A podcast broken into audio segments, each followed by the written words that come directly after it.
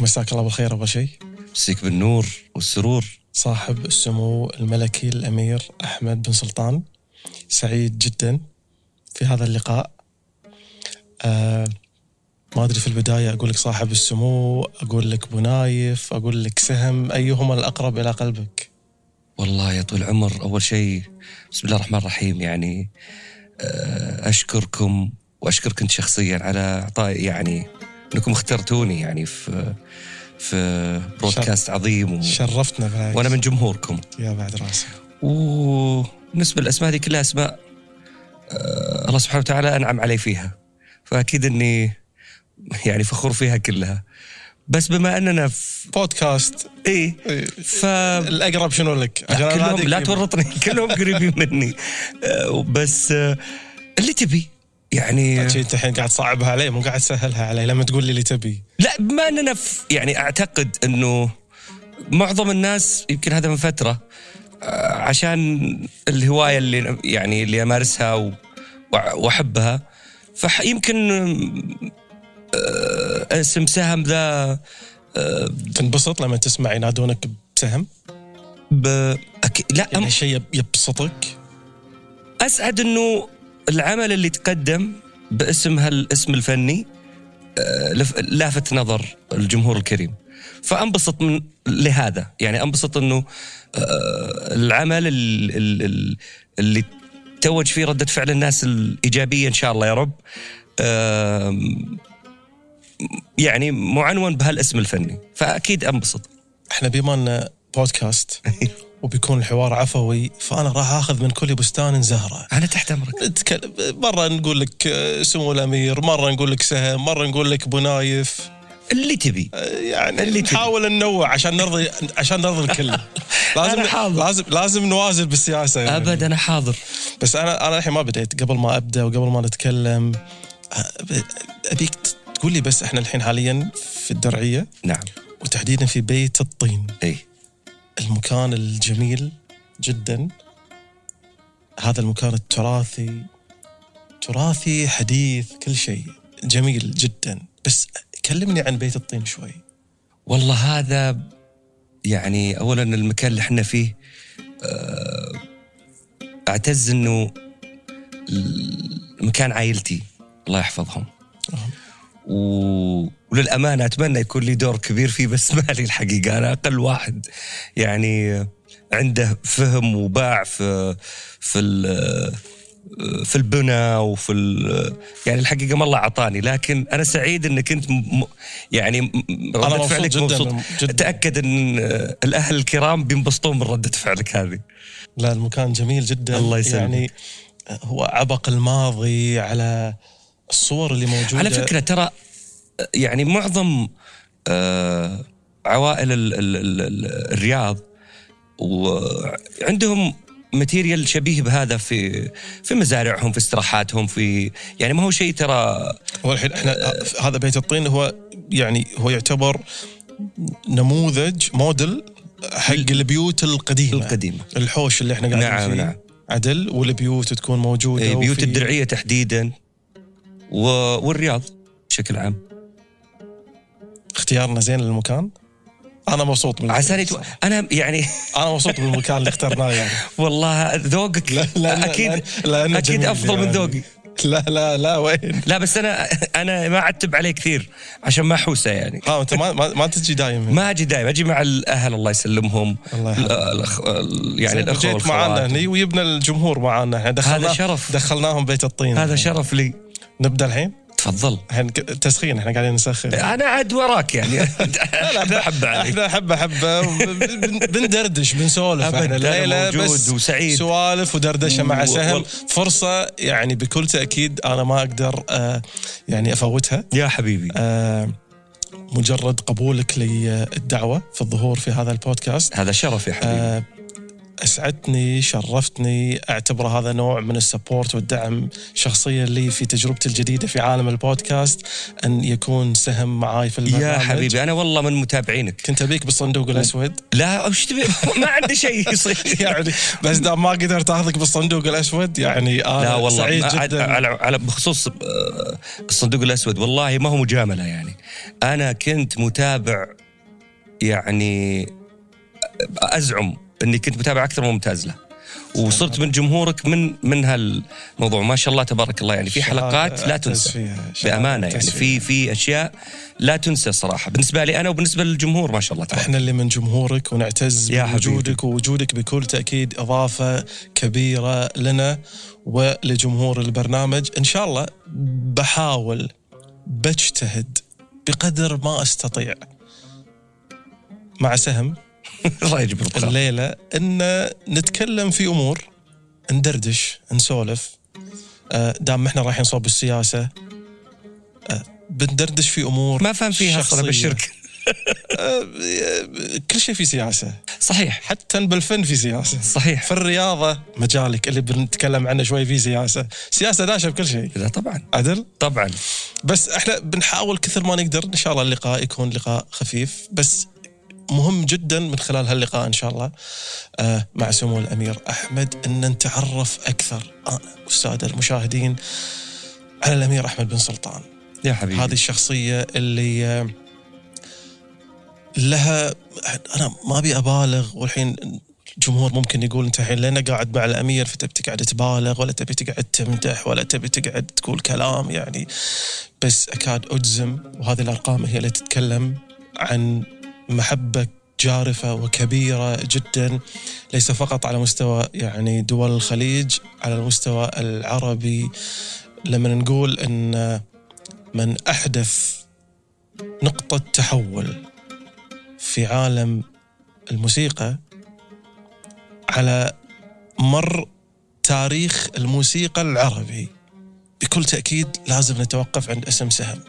الحين بتقول لي انت الحين قاعد تجاملني وهذا الكلام وقد البعض يقول لكن هو هذا واقع. راح نوصل له لما نتكلم أنا من. كلامك ذا جاني خفقان الحين. أنا قاعد أحاول الحين. أجر. أجر ناعم عشان أوصل حق اليمين بعدين. يعني لا والله بس يعني آه، اللي قلته أخوي عمار كلمة كبيرة. إن شاء الله إني أتمنى. أنا قاعد أعكس واقع. لا لا. مش قاعد أمدح ترى اطلاقا. شوف ال ال اللي قلته هذا آه يا رب يا كريم إنه إنه إنه أكون أستحقه. لأنه كل من يعني يعمل شيء أو يخلق شيء أو يألف شيء لل لل لل للناس أكيد يبغى ردة فعل. فإن كان هذه هي ردة الفعل فهذا فضل كبير من الله سبحانه وتعالى هذا جزء بسيط من ردة هذا والله فضل كبير أنا يا رب يستحق. نيابة عن بس بس تبي الصدق. تفضل لما أحد يقول لك هالكلام ال- يعني أقول لك جاني خفقان ما قلنا شيء تونا قاعدين نسخن. الكلمة يعني أه، أنا ليش يسألوني يقول لا أنت هو تو... إن شاء الله يا رب من تواضع لله رفعه بس عشان ما اكون عشان أكون صادق أكثر يخوفني ليش؟ لأنه طب وماذا بعد؟ يعني إذا هذا الكلام ينقال لك وانت الحين كذا. ماذا بعد؟ هذه راح نوصل لها بعدين. إنه هذا اي أنا هذه الفوبيا صح التعبير اللي تجيني صحيح إني يعني لما تعمل عمل تبغى تكون آه، آه، شلون أقولها؟ آه، يثنى عليك إذا كان عملك جيد. أي إنسان في الدنيا كذا. أنت الحين لما تسوي حلقة حلوة إذا كان هذا شغفك مثلا. تبغى الناس تقول لك والله الحلقة هذه زينة الحلقة هذه فيها شيء الحلقة هذا كلام يسعدك صح؟ حتى أنا يسعدني أنا بني آدم في النهاية. بس الفوبيا هذه أشوفها لي أنا شخصيا ما أقول إنها قاعدة للجميع بس لي أنا أه تصحيني تخلي رجولي في الأرض إن صح التعبير. وهذا شيء زين؟ إن شاء الله. لأن فلا قاعد- تلومني لما لأن قاعد تخليك تفكر إنك تستمر في هذا إيه. النجاح اللي أنت فيه. خ- خلني أقولها بشكل مبسط أكثر. كان في شيء في في العقل الباطن عندي يقول لي لا تصدق. لا تصدق شنو؟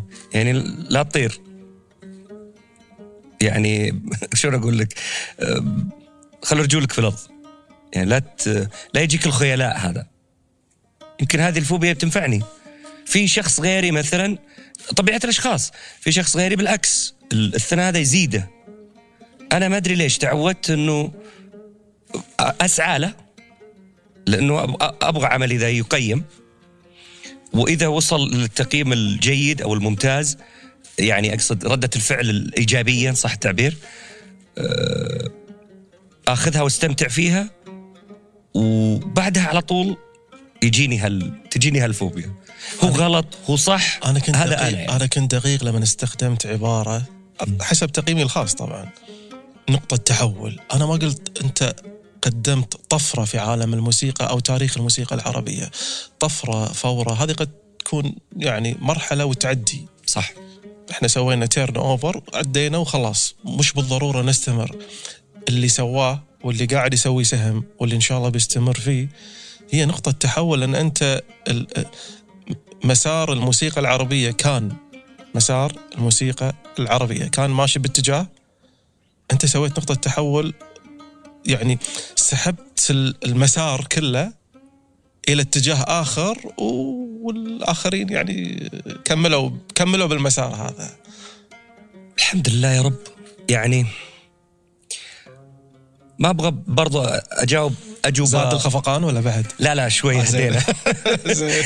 آه، ما أبغى أجاوب جواب آه، روتيني أو لكن والله والله هذه الحقيقة صحيح إن شاء الله إنه لي دور دور كبير في هالموضوع وهذا فضل من الله سبحانه وتعالى بس بدون ناس كثير معاي ما كان هذا حصل بكل تأكيد يعني شوف خلينا نقول على موضوع سهم هذا.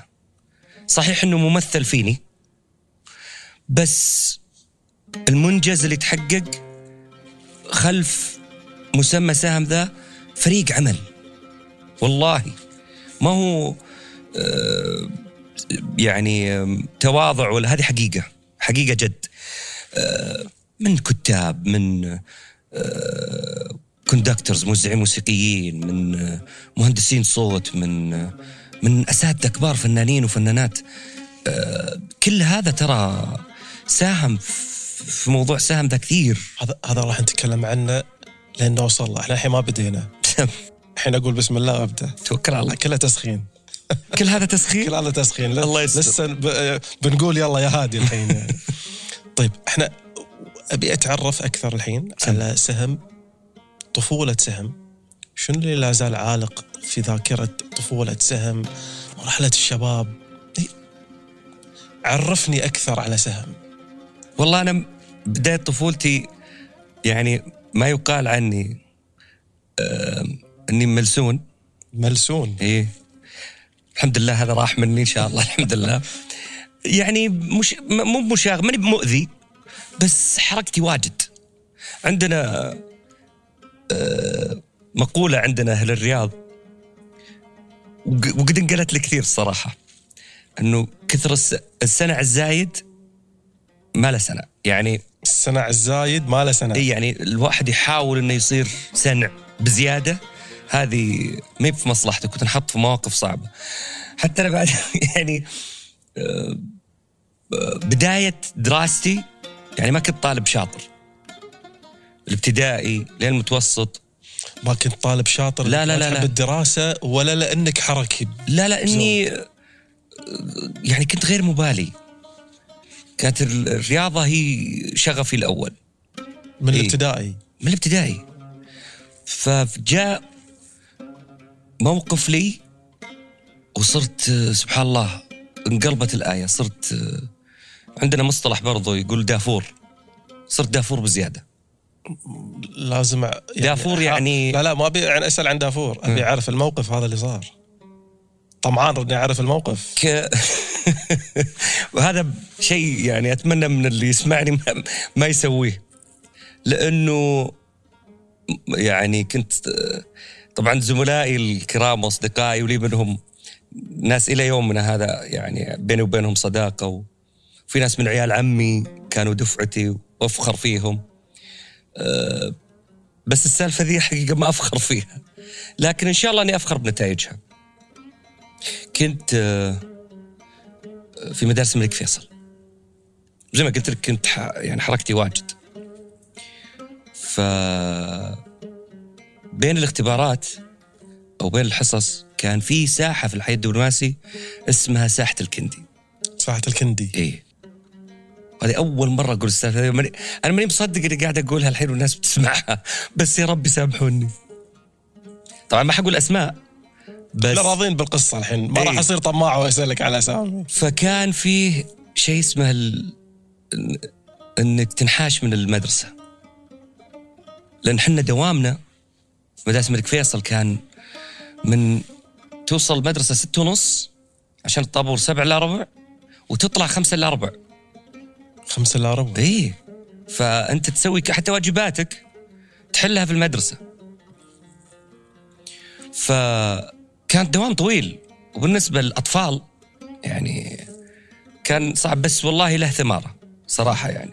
لو تنعاد بالدنيا ما كان سويت الماء بس المهم فكنت أنا من أمهر الناس اللي يعرف من وين ينحاش من المدرسة وينط السور وما عندنا شيء. يعني ما شاء الله في المدرسة فيه في وجبات مرة ممتازة وفي quality جد يعني مدرسه الملك فيصل. أنا أفخر اني إني من من من طلابها يعني أو من خريجينها.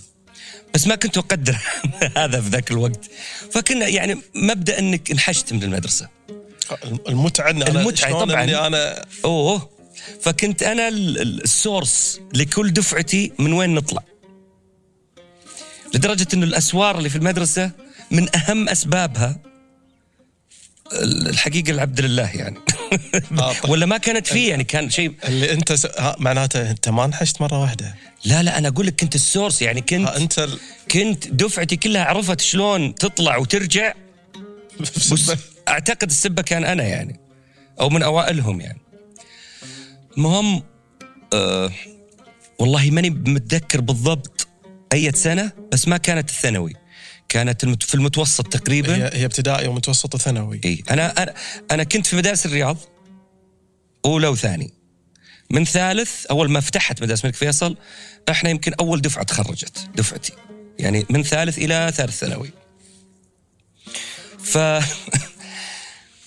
جاء تقديري في الفصل الدراسي الثاني. أعتقد ثاني متوسط أولى متوسط. نجحت بس كان مقبول. يعني حتى مو جيد. كل إخواني وعيال عمي والناس طبعا خلص الصيف فالناس بتسافر. أنا العقوبة اللي جتني إنه ما أسافر. وأقعد. طبعا الطفل موضوع صعب. والصيف هنا صعب ذيك الأيام. ثلاث شهور عطلة. إيه. فأدت ثمارها بصراحة. يعني من بعدها لا زلت حرك ولا زلت آه آه حركتي زايدة على اللزوم شوي. لكن آه ما عاد أبي هذه تتكرر. لأنه تعرف لما تكون جبت شيء مو كويس وكل شاور عليك هذا الشعور ما عاد تبي أحسه ثاني. والله يسكنه فسيح جناته. عرف شلون يعني طبعا الكلام اللي قاله لي يخصني أنا وصراحة أبغى أحتفظ فيه لنفسي. هو مش عدم السفر اللي اللي اللي خلاني اتعظ بل كلمتين الوالد الله يسكن الجنة قال لي إياهم ما أدري صحت فيك الواحد حاجة. اتعظت ندمت خفت حسيت بمسؤولية وهي كلمتين مختصرة. وهذا من أفضلها الكثير عليه الله يسكنه في سيح جناته. رحمة الله عليه. فمن يومها الحقيقة يعني I must say كنت آه، آه، مش مش موهبتي في الدراسة ولا حبي لها. خوفي من إني الموقف ذا يتكرر معي. بعد كذا صرت الدافور حق الفصل تقريبا يعني أو من الدوافير. لما كنت تنحاش وين تروح؟ أقول لك ساحة الكندي ما عندي شيء ثاني. شنو شنو فيها سالفه أبد. الكندي؟ ساحة ذيك الأيام فيها مطاعم و... وكافيهات ومدري إيش والناس يتمشون فيها ويجون فيها. المهم إنه طلعت المدرسة. المهم إني يعني التمرد هذا كان له متعة يعني. بس آه، المشكلة يا ليت يعني اللي انقال لي الله يعني يذكره بالخير والله ما أدري كان موجود ولا لا آه، أستاذ سعيد الزهراني. كان مدير المرحلة حقتنا. جاء قبله عبد الهادي الشليخي وجاء قبله صادق عمر. بس الأستاذ سعيد كان يعني عانى معي. الله يجزاه خير يعني. فقال لي كلمة قال لي يا أخي أنت يعني يعني لو طلعت لحالك كان مشكلتك بتصير لحالك لكن تطلع دفعة معك هذا مو بطبيعي يعني. أكثر عدد طلعته إيش قدر الدفعة. كلها. يعني إحنا مثلا كنا في أولى متوسط مثلا أو. الدفعة ذي أو ثاني متوسط كانت تروح من نفس المكان اللي أنا أطلع منه أقول لك أنا المصدر أنا اللي سويتهم البلان يعني سويت الخريطة شلون شلون كنت تنحاش بس كنت- عطني عطني صورة كذي طبعا بعد السمنة صورة- لا تشوف لا صورة فنية اعكس لي إياها عيشني أنا والجمهور لا،. لا. إذا إحنا داخل المدرسة نحيف. شلون كنت تنحاش؟ و... و... وكنت كنت يعني عندي لياقة الحمد لله كانت جيدة يعني. فكنت آه، نشقع السور اي للأسف. وأحيانا أحفر. تحفر؟ اي لأنه يوم كنا نطلع من السور كان قصير. طيب. فصا وسووا سور كذا. أعلى. صعب إنك تطلع. فاكتشفت حل آخر. إني نحفر يومين أو ثلاثة كل كل بريك كذا نجي نحفر ونحفر لين يطلع نفق بسيط كذا نطلع منه. تخيل. طبعا أنا غير فخور بهالموضوع ابدا بس ما, أقدر أنكر إني كنت يعني هذا الشيء كان يضحكني يعني بصراحة. في في بعد مشاهد الحمد لله يا رب ما في- في- ما قلت اسم أحد عشان ما حد يزعل مني. وأنا ما سألتك يعني. إي لا، نظرا لو- لحساسية الموضوع. ما أبي أقول من كان يروح معي. ذكرت. ولا بغيت أسألك من دفعتك ما يعني. حقيقة يعني لأنه هم لو يعني كانوا في مكاني ما حيك ما يطلعون سري. فبكون بحاول أكون إن شاء الله أمين في الموضوع. أسألك بعد التصوير. في في بعد مشاهد مرحلة الدراسة؟ بصراحة بعد ذاك الموقف كنت أفخر مثلا بأشياء غير الدرا... إني كنت الحمد لله. يعني تخرجت بفضل الله ثالث ثانوي.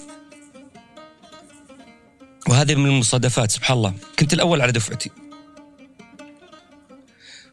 بس من الخوف ولا في ناس أكثر مني موهبة. بكثير. بكثير. بس يمكن أنا تحت الضغط أكون أحسن. يمكن. وهذه قد قالت لي بعد. بس من بعد ذيك السالفة يمكن ما كان في إلا الرياضة. كنت في منتخب المدرسة. جبنا بطولة الرياض. لا لحظة لحظة. واحدة واحدة. إي والله. منتخب المدرسة. إي. كره القدم. إي. وكان سمو وزير الرياضة يمكن أمهرنا. كان في, في, في منتخب المدرسة بعد. الأمير عبد العزيز بن تركي الأمير عبد العزيز. طبعا. هذه هذا شيء من الأشياء اللي أفخر فيها يعني. أه، حققنا بطولة كويسة يعني. طبعا على مستوى على مستوى المدارس مدارس الرياض المملكة. إي. كنا كويسين والله. يعني أزعم ان كنا كويسين. شنو كنت تلعب؟ كنت محور. لا لعبت كل شيء يلا يعني ابشرك أه، ظهير يمين ظهير يسار نص يسار نص يمين. لعبت محور. بس كل كل هذا ما كان برضو يعتمد على الموهبة. يعتمد على لياقتي. وكنت سريع. لا يعتمد على الموهبة بمعنى أنت بس لياقتي يعني كنت تحب الكرة في النهاية. كنت أحبها. يعني- يعني كنت كويس إلى حد ما بس ما كنت الامير عبد العزيز يعني. هو كان يحب الكرة أكثر. موهوب الامير عبد العزيز. موهوب رياضي موهوب. والله ما أقوله. وأفخر إني انه يعني اني ان, إن أنا وياه دفعة واحدة. يعني أفخر فعلا. كان كان موهوب. لا يزعل عليه الله يحب. بس, أظن إن هذا معروف عند الرياضيين كلهم. الامير عبد العزيز موهوب جدا يعني. أنت في أي مرحلة اللي دخلت فريق الكرة؟ والله إحنا من زمان.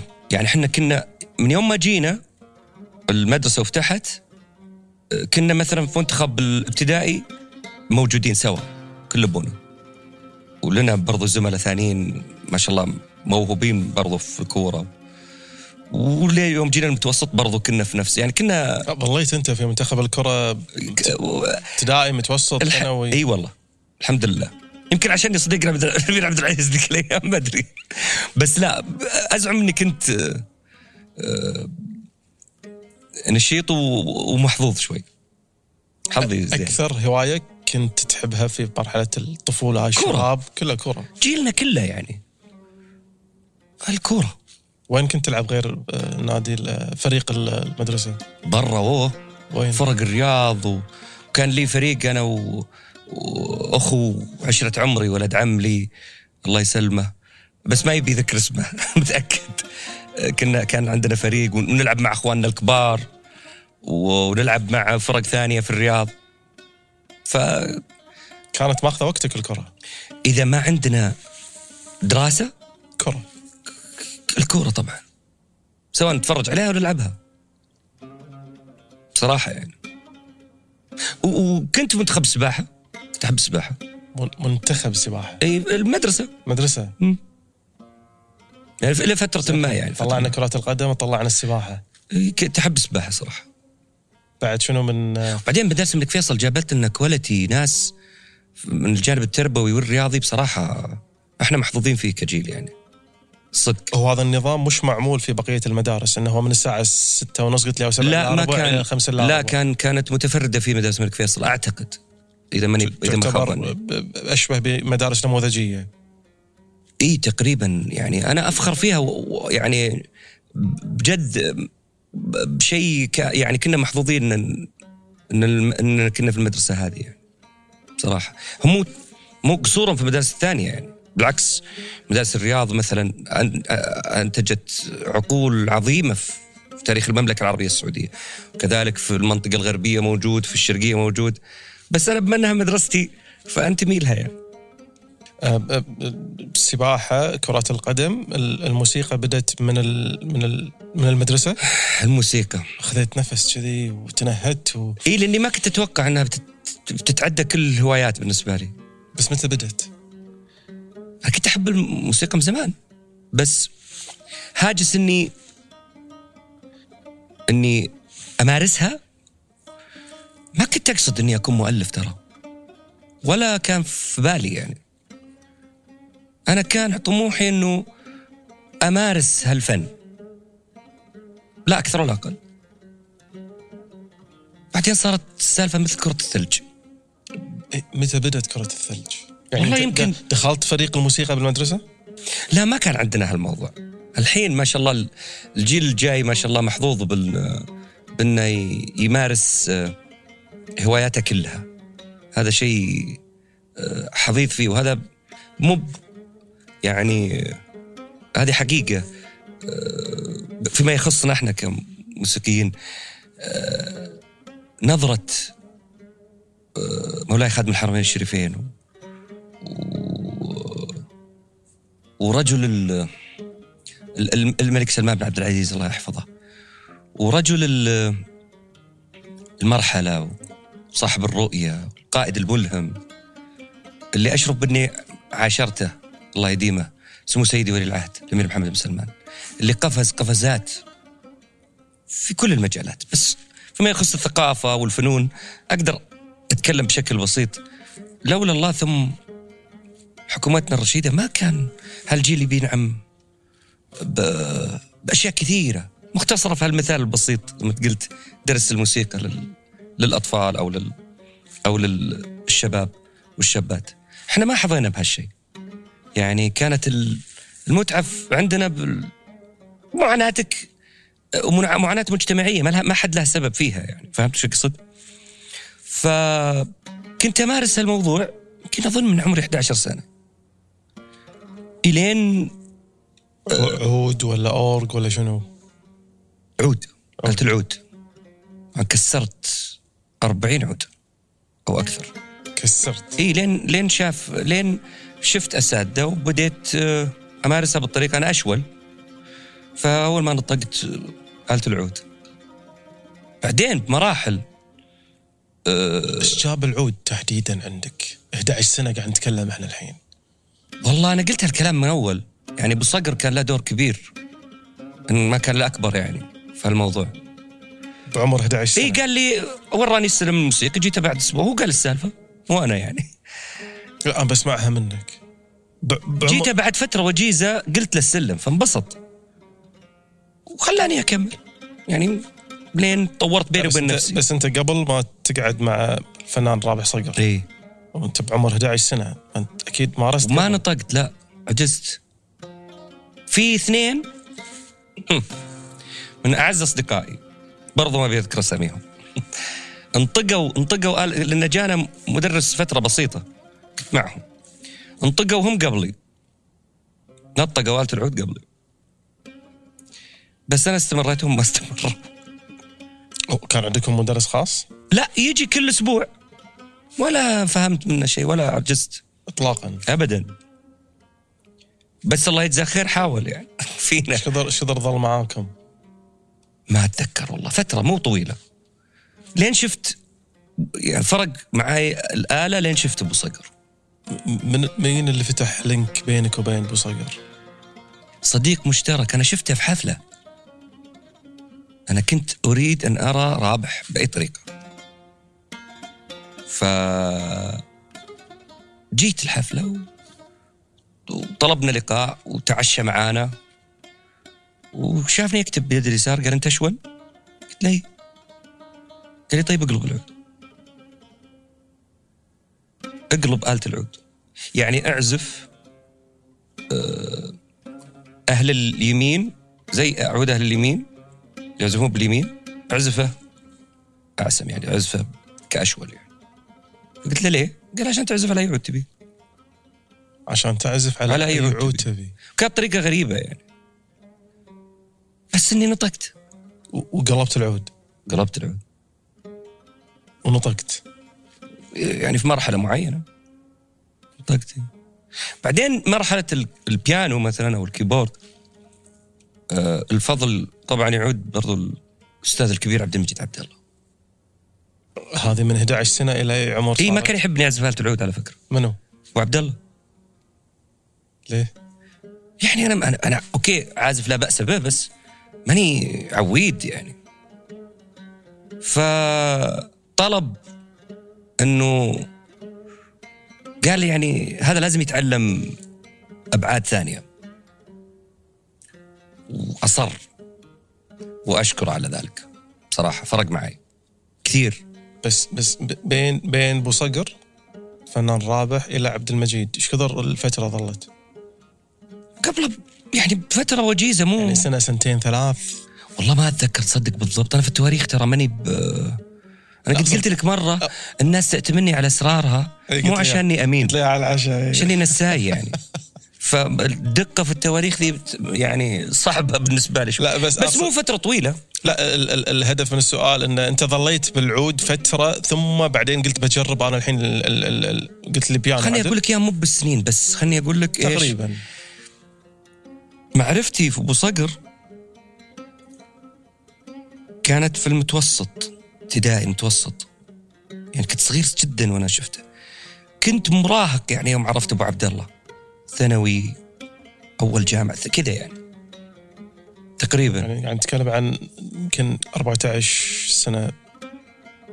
عمري قصدك؟ أي تقريبا يعني 14 مع أبو ص- مع أبو صقر؟ مع ابو لا، لا، أبو صقر. مع أبو عبد الله.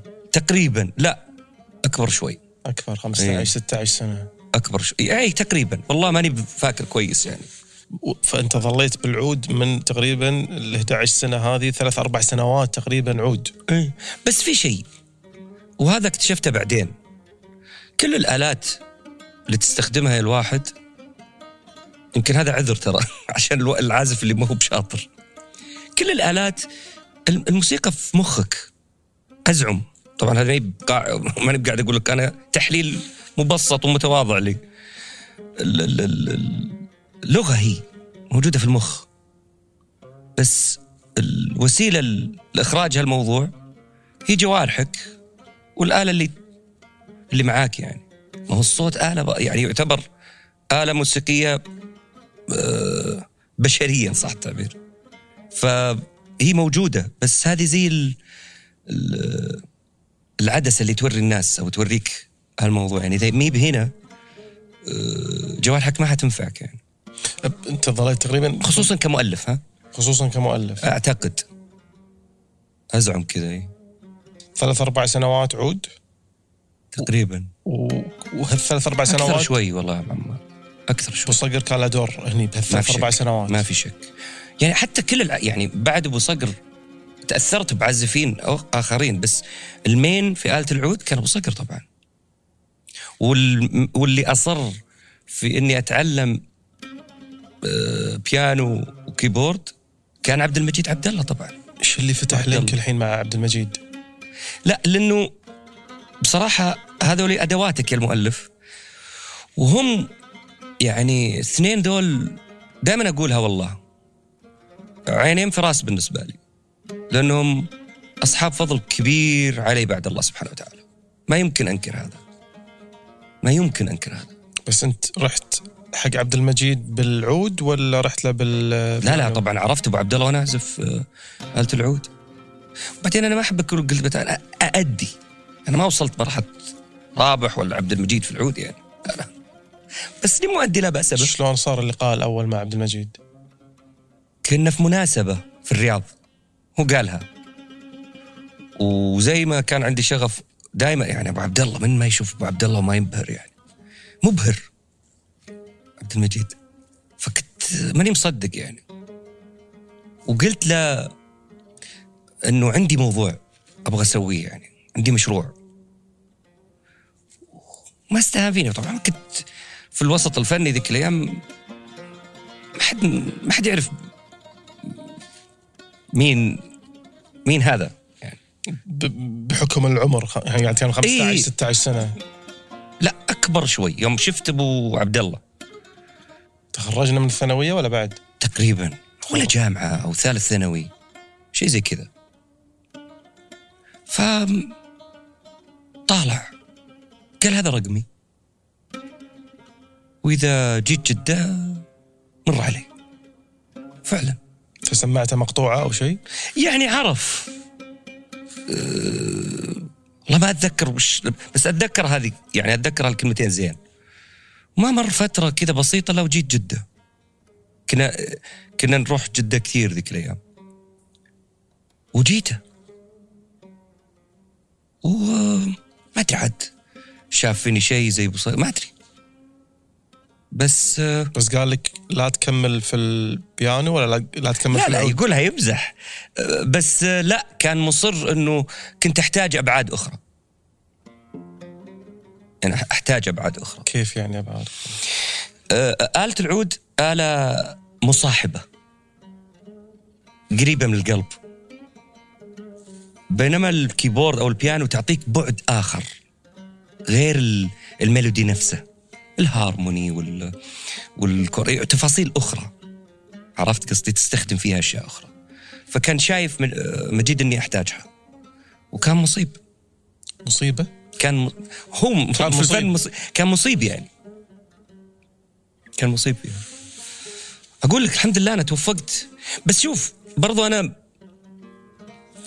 آه، تأسست على يد شعراء ترى كتاب يعني قبل الموسيقيين يعني يعني أنا بالنسبة لي آه، الأمير آه، عبد الرحمن بن مساعد والأمير سعود بن عبد الله والأمير تركي بن عبد الرحمن أنا محظوظ إنه في طبعا أنا أقولهم كذا لل... لل- للسن لكن أنا عرفت آه، الأمير سعود بن عبد الله قبل الأمير تركي وعرفت الأمير تركي قبل الأمير عبد الرحمن بس أحس كلهم عرفت من وعيت على الدنيا وأنا اعرف هؤلاء لأني من جمهورهم فعلموني علموني صناعة ال...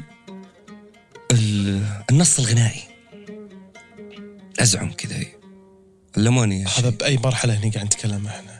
من الثانوي من ال... من الثانوي تقريبا. كان كان هذا شغف إذا إحنا قاعد نتكلم عن ترى عرفت هذول قبل ما أعرفهم كأشخاص. يعني عرفت طري- طريقة شغلهم عرفتهم من أعمالهم. بعدين شفتهم وكانوا أكثر إبهار من الخيال اللي أنا أتخيله. بصراحة كانوا مبهرين بالنسبة لي. هو كان شغف عند عند الأمير أحمد مرحلة مبكرة من العمر نتكلم عن متوسطة ثانوي انه أنا أحب الكرة أحب الرياضة. إي. بس في شيء ثاني أيضا عندي. الحين أنا ما أدري ماني عارف بكمل فيه ماني مكمل فيه بس أنا حاب مجال الفن. لا في ذاك الوقت كنت هدفي أقعد مع هالاساطير اللي قلت لك أساميهم. أشوفهم كيف يشتغلون. أشوفهم أه، كيف ي- يبدعون يصنعون شيء من لا شيء. كنت بس أبغى أقعد معهم بصراحة. فهو ما كان حب وطموح وحلم إن لا، لا، أنا. أبي أدخل في هذا المجال لا، لا، وأبي. أكون لي شيء؟ أنا ما عرفت إن السالفة جد. إلا يمكن من 13 14 سنة. إنه لا والله السالفة صدق يعني. قصدك من الان قبل من 13 سنة من الآن؟ إي إي. يعني نتكلم عن 14 سنة. سنة 2010 2010 2008 2009 كذا يعني. حسيت إن السالفة أوه جد. لا والله في يعني هذه الموضوع جد يعني مو قبل كذا كان شغف. ولا زال طبعا بس ما كنت أتوقع إنه ببني حياتي عليه يعني. إحنا راح نرجع نتكلم أكيد على موضوع الموسيقى لأنها يعني جزء أساسي ومهم في حياة آه، سهم. آه، تخرجت أنت من الثانوية؟ إيه وبعدها دخلنا الجامعة. جامعة الملك سعود. أول شيء ميولك شنو كانت؟ علمي أدبي؟ ذيك قبل. الفترة ما فرقت معي. لا أنا تخرجت علمي. من الثانوي. أيامها مدارس الملك فيصل ما كان عندها آه، فصل الأدبي أو فصل ال... ما كان في أدبي أصلا؟ لا في مدارس الملك فيصل. فأنت إجباري راح. كملت علمي. كنت صدق عاد كنت أحب الرياضيات والفيزياء والأشياء ذي. تحب الرياضيات؟ تمتعني. والله. تاريخ. بس أشياء الحفظ. أدبي تاريخ أدبي.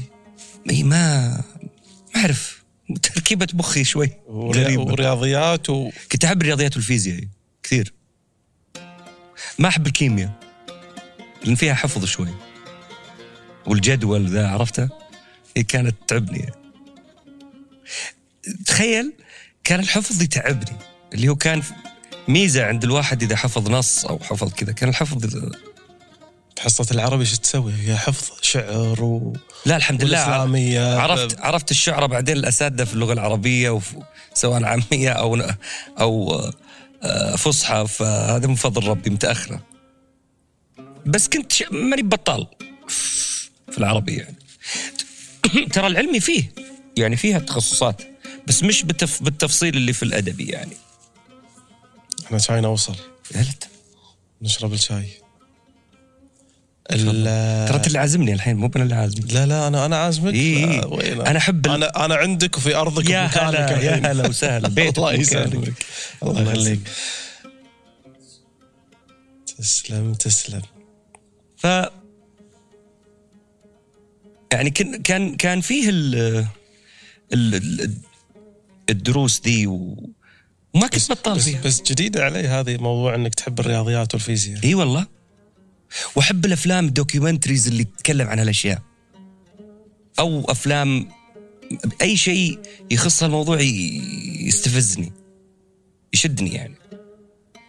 غير الكيمياء شنو الحصة اللي من تشوفها بالجدول تقول أبي أطلع أبي أنحاش. الحصه اللي اشوفها بالجدول بينحاش جغرافيا. جغرافيا. إي يعني طب عرفنا إنها هنا وبعدين؟ لا عرفنا إن لا ما لا يعني ما أقصد إنه ما لا لا داعي. يزعلون علينا الجغرافيا. لا لا لا لا وعد من أحب أساتذتي دائما هم أساتذة الجغرافيا كشخصيا يعني. بس ما كنت استمتع يعني ما أعرف وش أسوي فيها طيب؟ لاني بصير طيار ولا بصير جيولوجيست ولا بصير كنت عارف إني ما حخوض هالمجال يعني. مبكرا. طيب. طلع تخرجنا من الثانوية جامعة الملك السعود. في أي تخصص كان؟ كان آه القانون الدولي. قانون المقارنة تحديدا. أنت اللي اخترت التخصص هذا؟ صراحة إيه. ليش قانون دولي؟ يعني كلمة كانت حلوة. بصراحة. ها الكلمة اللي عجبتك. إيه. طيب. وخلصت بدري. وايد- وايد تخصصات موجودة وفيها يعني هم عناوينها جميلة وحلوة. ليش قانون دولي يعني؟ ما أدري والله. والله العظيم ما أدري. ترى أنا متأثر بإخواني. يعني إخواني كان شغفهم هالموضوع. فرحت. مجال القانون. إيه. فسلكت كلمنا الحين عن الجامعة. تخرجنا كبرنا عدينا 18 سنة الآن دخلنا لمرحلة الجامعة. ش- شو اللي تغير في شخصية أحمد بن سلطان؟ تعود تحس إنك كبرت فجأة عرفت؟ في في مرحلة من مراحل الشباب هذه مرحلة مؤسفة الصراحة. مؤسفة؟ إيه لأنك تحس إنك فهمت كل شيء. خلاص أنت آه، آه، راشد. لا تو تو الناس. فهذه تحطك في مواقف محرجة يعني شوي. عطني موقف ممكن إنه ينقال. من في الجامعة؟ في الجامعة إي. إذا في مواقف ممكن تنقال زين يعني. أنا هم يعني راح أكون قنوع إذا قلت لي موقف واحد منهم. خلنا نشوف. الظاهر وايد مواقف. لا والله لا لا لا. ترى وين كنت آه، آه، يعني آه، كافي خير شر على قولتهم. ما نشاف كثير. كنت مؤسف في المحاضرات. ما أحضر كثير بصراحة. يعني لكن الدكاترة الله يجزاهم خير كانوا متعاونين معي و... و... وما بخلوا علي بصراحة. يعني ذكرياتي دائما في جامعة الملك سعود دائما جميلة بصراحة. ما عندي الحمد لله سبحان الله ما عندي موقف صعب. وخلصت بدري كنت آخذ أترام صيفية كثير. فخلصت بدري. تكلم عن تقريبا ثلاث ثلاث سنوات؟ إي خلصتها في ثلاث سنوات ونص ثلاث سنوات. مش أربعة يعني. كنت مجتهد في جامعة الملك سعود. الكسل جاء بعدين. بلندن. بعد لندن يعني. طبعا. لا بس أكون صادق معك. أنا لو الخيار كان لي ما كان يمكن دخلت الجامعة. الصراحه وين كنت تروح يعني؟ كان بكمل في المجال الفني. وهذا كان خطأ كبير بصراحة. أنا إصرار الوالد الله يسكن الجنة ووالدتي وإخواني الكبار وخواتي الله يحفظهم لي يا رب ويسكن الجنة من راح. آمين. إصرارهم أني أكمل دراسة تحديدا الوالدة الله يحفظها لي يا رب. أنه شوف خلص جامعتك وبعدها بصرك. سوي تبي. هذا صحيح إنه إنه ما فادني من الناحيه العملية بس فاد آه، مخ الواحد وتجربته و... و... و... وخبرته خبرته في الحياة وفي التعليم. والله العظيم. يعني آه، شكرا إنه يعني أحمد ربي سبحانه وتعالى لي أهل حريصين علي. لأنه مو هذا ما يتوفر عند كل أحد بصراحة.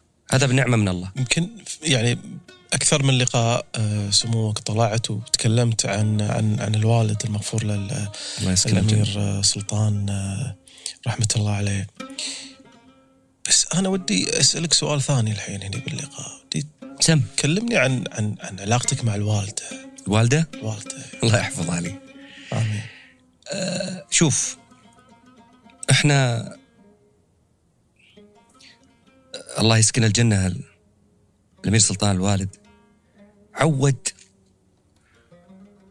عياله وبناته إنه كل أمهاتكم أمهات بعض. أنتم يعني أم أخوي امي أم أختي امي وأمي امهم والله هذا شيء ما هو تصنع. وسبحان الله ما أدري كيف زرعه. سلطان بن عبد العزيز في أبنائه وبناته. وهذا شيء يفخرني ويفخر كل أهل سلطان. يفخرنا يعني ويسعدنا والله. والدتي الله يحفظها لي يعني أغلى شيء في الدنيا. في أحد ما يغلي أمه؟ يعني هي أغلى أغلى شيء في هذه الدنيا بالنسبة لي. وصبرت علي و... وتحملتني وتحملت غثاي وإلى يومنا هذا. الله يحفظها لي. الله يحفظها. فحرصها علي هذا نعمة من رب العالمين. يا رب اجعلني أكون دائما مرضيها ومسعدها يا كريم. يا رب. لأنه آه، هي إنسانة آه، يندر مثلها بصراحة. يعني لو بحكي عن والدي أو والدتي أو آه، أمهاتي الله يحفظهم لي برضو أمهات إخواني. ما ما يعني ما هي بخالصة الحلقات لأنهم أنا قاعد تبي تتكلم لا لا لأنهم قاعد. كل شيء الوالدة يعني بالذات هي كل شيء في حياتي يعني. كل شيء بخت... يعني آه كل شيء في حياتي. ما في شيء في حياتي ما ما لها لمسة فيه ما لها بصمة فيه. بصراحة. يعني الله يخليها لي. آمين يا رب. آمين يا رب. في في قصة في الوالدة؟ أكيد طبعا في قصص في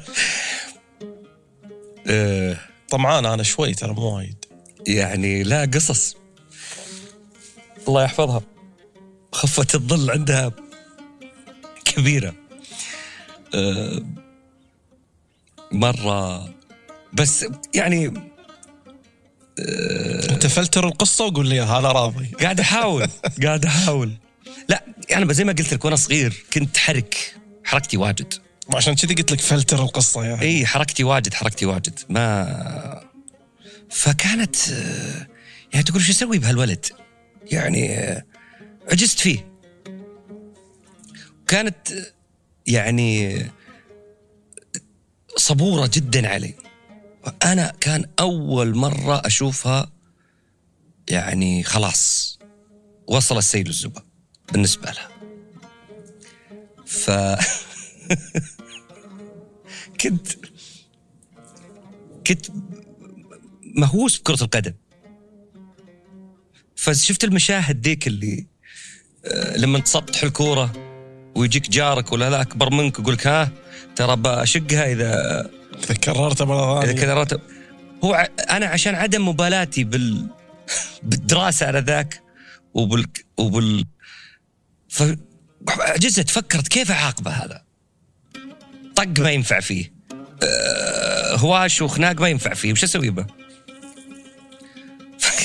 قام اذكر تجيبوا الكور كلها اللي عنده. وشقتهم كلهم. طلبت انها تشق كلها. كلهم. ما في كورة. لين تصير آدمي. ومش والمنظر أصلا يعني الوالده ما هي يعني ما هي بشخص عصبي أصلا يعني في الموضوع. هادية هي. اي فكل ما أتذكر ذا الموضوع أقول تقول عجزت فيك. فالحمد لله أنها سوتها يعني. بس برضو ما نفع فيني. لين في الأخير وصل الأمر لها الله يسكن الجنة وقلت لك آه، أعطاني في الصميم يعني. لين عرفت إن الله حق. رحمة الله عليه. والله يحفظ لك الوالدة يا رب آمين يا رب. الله. بس كيف ما أتذكر الموقف شق الكور. اتذكر يعني أنا ما ما ما تخيلت إنه ممكن تسوي كذا لأن بالنسبة لي أنا الوالده هذا يقول لك اتقي شر الحليم إذا غضب. أنا أشهد. واضح إنك أنت خليتها. لا لا توصل أنا المرحله أقول لك وصل السيل الزبا عنده. الله يحفظها آمين يا رب آمين يا رب. آه، الجامعة قلنا إن جامعة الملك سعود ثلاث إي. سنوات ونص. تقريبا. أنا طبعا. بعد أبي أعرف جامعة الملك. ثلاث سنوات ونص. طيب برا الجامعة. كنت قريب ثلاث يعني سنوات ونص. يعني أبي أبي بعد فيهم قصص أحداث آه، والله شوف. قاعد أتكلم عن 18 سنة إلى ال 21 22 عز فورة الشباب. برضو كنت مو- موهوم بالكورة يا هم كره بعد. اي. كنت موهوم بالكورة. فعلا يعني ممارس يعني أمارسها مع أصدقائي وإخواني و, و... و... هني رحت الهلال ولا بعدك؟ لا من زمان الهلال من زمان متى؟ ما إي. تكلمنا من زمان متى؟ من وعيت على الدنيا وأنا هلالي ليش الهلال؟ ما أدري بس شوف ما, ما, ما أقول لك الجواب الطبيعي الحقيقي وما بجواب دبلوماسي لا أنا وعيت على الدنيا وشفت لاعب اسمه يوسف ثنيان وشفته شلون يلعب وشلون لف ردة فعل الجمهور له وهذا تعلقت فيه. من خلاله تعلقت في النادي. هذه الحقيقة يعني. هذه الحقيقة يعني. متى أول مرة دخلت نادي الهلال؟ ابتدائي. أول مرة أدخل نادي الهلال. ابتدائي ثانوي متوسط. اي اي لي صورة وأنا يمكن كان كان الكاس كاس آسيا و... واللاعب المغربي بصير صلاح الدين. كان شايله وكنت معه في الصورة. صدق ما ما أذكر سنة كم؟ ما أذكر ما أذكر كان عمري كم. بس كنت صغير. ابتدائي متوسط. أول مرة أدخل نادي الهلال. ودخلت التحقت في أنشطة بعد النادي؟ لا. ها. كنت آه، أنت كنت تلعب كرة مع ربعك وعندك فريق و... اي كنت أشوف آه، أبغى أبغى أشوف ذا النادي. ولي إخوان الله يحفظهم. يعني آه، سمو الأمير فيصل بن سلطان كان عضو في الهلال أخوي تركي آه، الله يرحمه ويسكن الجنة. آه، ولي اخوان ف بس عندك عندك تأثرت من منهم في عندك الهلال. نصراوية بعد. طبعا. إي طبعا. أنا بحاول أكون حمامه سلام طبعا لا طبعا. يعني. لا أنا ما عندي شوف بقول لك شيء. أنا سالفة التعصب هذه والله الحمد لله ما يفيني. يعني معظم أقرب من أقرب الناس لي نصراويين واتحاديين وشبابيين لي- ليش ما انعجبت. ليش ما انعجبت بالنصر عيال لا بحب يعني طريقة لعب الهلال عجبتني من الصغير أكثر من. النصر ما ما لفتت يعني ما أنا ذاك ما لفتتني زي ما لفت يعني في ناس نصراويين مثلا قبلي أو بعدي تأثروا بلاعب يا ماجد أو مثلا أي أحد. أنت يوسف هو اللي أنا كان أثر فيني بداية اي أثر فيني. وبعد كذا بديت أركز في الباقيين عاد وحضورك للهلال كان كله مباريات فقط ولا يعني متى بدا متى بدأ النشاط يبدأ مع من الهلال؟ بعد ذيك الفترة. زي زي أي شاب في الرياض. في ديربي أستاذ الملك فهد ولا أستاذ الامير فيصل بن فهد. بنروح نحضر. بنروح نحضر. فكانت لا أقصد بس كانشطه ما. كان لك لا، يعني لا. في في في مرحلة الدراسة ما كان لك مع الهلال شيء. لا لا. ابدا. حضور مباريات. بشغف بعد. فمن ال 18 سنة إلى ال 21 اي تقريبا. بدينا عاد. بدينا مسألة سالفة آه، إنك تكون عضو في النادي أو شيء من هالقبيل. في في مرحلة الجامعة. الثانوي. بس بشكل رمزي لكن من بعد الجامعة كانت بشكل أكثر جدية يعني. طيب تخرجنا من جامعة الملك سعود. هني قررت إنك تروح لندن؟ أنا قريب مرة من إخواني وهذا شيء يشرفني. لهم فضل علي بعد الله سبحانه. بس في منهم ناس ما أقدر ما ما بيذكر أساميهم لأنهم ما حيرغبون إني أذكر أساميهم. فكنا دائما من من إحنا أطفال. نسافر سوا ونرجع سوا ونروح سوا. فما ما ما كنت أتخيل إني بكون في يوم من الأيام بدونهم. لأنهم مو بس إخواني أصدقائي بأمانة يعني. وبرضه لي عيال عم وكلهم كانوا رايحين لندن. فبصراحة ما أكذب ما كان السبب إنه أبي لندن لأني الجامعة هذه ممتازة ولا كنت أبغى أي بطريق بأي طريقة كانت أكون معهم. هذا هذا الصدق يعني. هذه كل أول مرة اقولها بس هذا الصدق بس أنت تخرجت من الجامعة؟ تخرجت فيه من الجامعة. والحين بيروحون لندن بيكملون دراستهم هم أو اي في منهم من سبقني لندن أو أمريكا أو أي بلد ثاني. بس كان معظمهم في لندن يعني في بريطانيا. فقلت ودي أروح هناك. ورحت لندن. ورحت. إيه، أنا ناطر ابي ابي اسمع الحين هذيك كانت قصص ومراحل ومحطات إي. والله أيام أيام ما أنساها أيام تجنن بالنسبة لي يعني. هني قاعد تتكلم تقريبا عن أي سنة؟ لندن 2003 2004 2003 2004 أعتقد خلصت جامعة الملك سعود وعلى طول على هناك الماجستير والدكتوراه من لندن انت لما تقولها كذا تحسسني إني مو عظيم في الدراسة لكن صحيح الحقيقة مي كذا ابدا. لا بس هو في ماجستير في دكتوراه. في بس آه، على السنين اللي خذيتها. لا بغض النظر النتيجة إحنا الحين لنا. الحمد لله، الحمد لله. راح نفصل. الستر زين الستر زين. لا إحنا راح نفصل فيهم الحين شوي يعني. بس هي بس هي فيها ماجستير وفيها دكتوراه كلها. وكلها في القانون. في القانوني لا عشان أكون صادق ال- ال- ال- الماستر كان في القانون. ال PhD كان في ال public relations العلاقات العامة لكن كان أسهل صراحة. وكلها من لندن. كله من لندن. أول حكاية نبي نتكلم فيها أنا كنت أبي أجيب. الشهادة ذي عشان أوريها لأهلي وأخلص. شهادة الدكتوراه؟ شهادة ماستر. إي الماستر. البي... ال... ترى على فكرة موضوع ال PhD ذا كان بس عشان أطول مدة وأنا قاعد. لأنك مبسوط قاعد بلندن. اي لا بس تو قلت جملة مهمة. يعني. قلت أنا بجيب الشهادة عشان أعطيها حق أهلي وأخلص. هذا يعني إن أنا أبي أخلص حتى إن أنا أسوي الشيء اللي أحبه. أنا في واحد من أساتذتي في لندن كان صادق معي. قال لي يعني أنت لا يمكن تكون محامي ولا يمكن تكون معيد يعني. لا يمكن تكون محامي. لا لا يعني ولا يمكن أصلا حتى في المجال الأكاديمي ما أنت والله بتصير مدرس شاطر ولا. ليش هو شاف؟ ما شاف فيني شغف. شافني أبغى أخلص الشغلانة يعني. بس.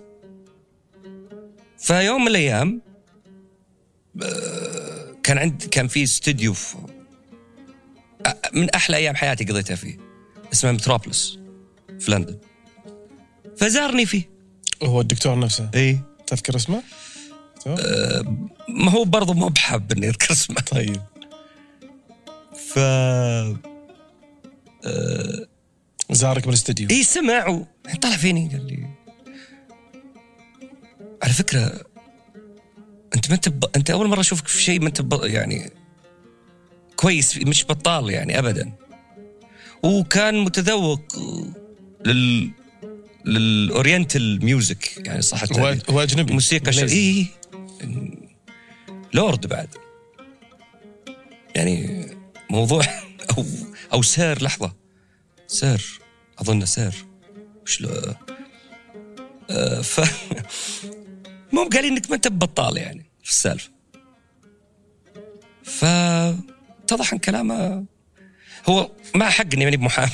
ابدا. بس الحمد لله هذا لا يعني إني أنا ما أفهم فيها. تخصص طبعا واشتغلت فيه وكل شيء لكن ما هو شغفي ما حكذب. أخذنا الشهادة حتى نقول حق الأهل هذه الشهادة إيه، وهذه الدراسة. والكورسات اللي فعلا حسيت إني آه، استفدت منها ولا أحس إني قاعد أتعلم. كانت كورسات كلها تخص ال music يعني. top line melody و... بس هذه خاصة يعني ما هذه اللي شغفك. إيه. كنت اخذها بنفسي وما حد يدري عنها. آه ما حد كان يدري عنها. لأنك كنت في وسط أثناء- الجامعة. أثناء فترة الدراسة. إيه. بعد أنا طمعان بس ما هي ب academic courses يعني ما هي ما هي بشيء مثل الكونسرفتوار ولا شيء كانت لل- للهواة. عرفت قصدي؟ فكنت أستمتع فيها وفادتني. ترى ما خذيت يعني لا يس- اللي يسمعك الحين أنا طالب للعلم وللمعرفه لا لا تراك ما تجي كلها أنا قعدت هناك كم؟ عشان آخذ الأسامي ذي اللي تقولها قعدت فوق الثمان سنين عشر سنين. إيه، في لندن يعني. بس ثمان عشر سنين يعني كان فيهم master و PhD يعني. لا لا بس بس مستمرة. المفروض إنها ما تتعدى السالفة كلها ثلاث سنين ونص أربع سنين بالكثير. بصراحة. عشان ما اكون بس الحمد لله خلصت فما حد زعلان مني الحين لو درى طيب بعد أبي أتكلم أكثر عن لندن ومحطات لندن. تظليت فترة عمر. كنت آخذ عمر أوراق المعيد. عشر سنين عمر هذا. إي والله من المواقف اللي كنت مساها يعني يمكن أبو عبد الله يذكرها بعد. كنت أطلع من الجامعة بأي طريقة وبسرعة وأخذ الأوراق التصحيح وكان معي مهندسين صوت أبو عبد الله عفوا أبو عبد الله عبد عبد المجيد المجيدي بالتليفون ما كان هو في لندن. وكان معي المايسترو رفيق الدرب وصديقي و... وأخو هاني فرحات. كان معي مهندسي كان معي ناس كثار ما أبغى أنسى أحد. فكنت أجيب أوراق التصحيح معي. وأجيبها الاستوديو لأني أبغى لازم أخلص هذا الموضوع. لأنه بيوصل تقرير اني أنا ماني قاعد أدرس وهذا ما كنت أبغاه. بيوصل تقرير وين؟ للأه... لاهلي الأهل. إي. وايه ما هم فالتيني يعني. فكنت لازم أخلص الشيء. وياما وصلت تقارير ما هي بكويسة. إنه إنه بلندن ومو قاعد يدرس. مو قاعد يدرس زين. قاعد يدرس بس مو قاعد يدرس كويس. يعني مثلا سنة اللغة بدل ما تأخذها في سنة وأنا لغتي ما كانت سيئة الصراحة. تأخذها في ثلاث سنين سنتين مو معقول. وتجي الماستر وما أدري كم تأخذ فيه. و... لأنه كان في غيري يدرسون ويخلصون أسرع مني. يعني. أنا كنت أبغى مط الموضوع مو بقصدي إني ما أبغى أرجع لبلدي بالعكس. بس كنت يعني كنت أمارس هوايتي. ما كنت أعرف إني بصير يعني بتصير جدي. يعني. بس كنت مستمتع بصراحة. ما حكذب. الاستوديو ذاك طلع أشياء عجيبة. طلع لنا اللي ممكن يطلع بالبرنامج الحين من الاستديو ذاك. كان كنت أنا ما أعرف في ذيك الفترة غير أخو يعني عزيز راشد الفارس مثلا صديق عزيز كان بالنسبة لي ولا زال. وأساتذتي طبعا عبد المجيد ورابح رابح عبد المجيد. فما أعرف أحد في الوسط الفني غيرهم. ففي صديق مشترك محب جدا جدا جدا الفنانة الكبيرة و... والأخت العزيزة وعشرة العمر أصالة. وجه الخير. فما دريت إلا في سماعة جيتني إحنا نتعشى. ألو الفنانة أصالة. أول مرة. أول مرة. ف كيفك إن شاء الله طيب مش عارف إيش أسمع عنك و... ذيك الأيام يا دوب طالع حسي. يعني كان كان كان طلعت لك أعمال بس. طلعت لي أعمال بس. بداية الواحد يعني. ف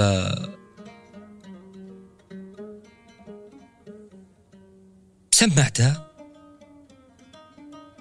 خذت اللي عجبها وتركت اللي ما عجبها بعدين قالت لي أبغى شيء شعبي.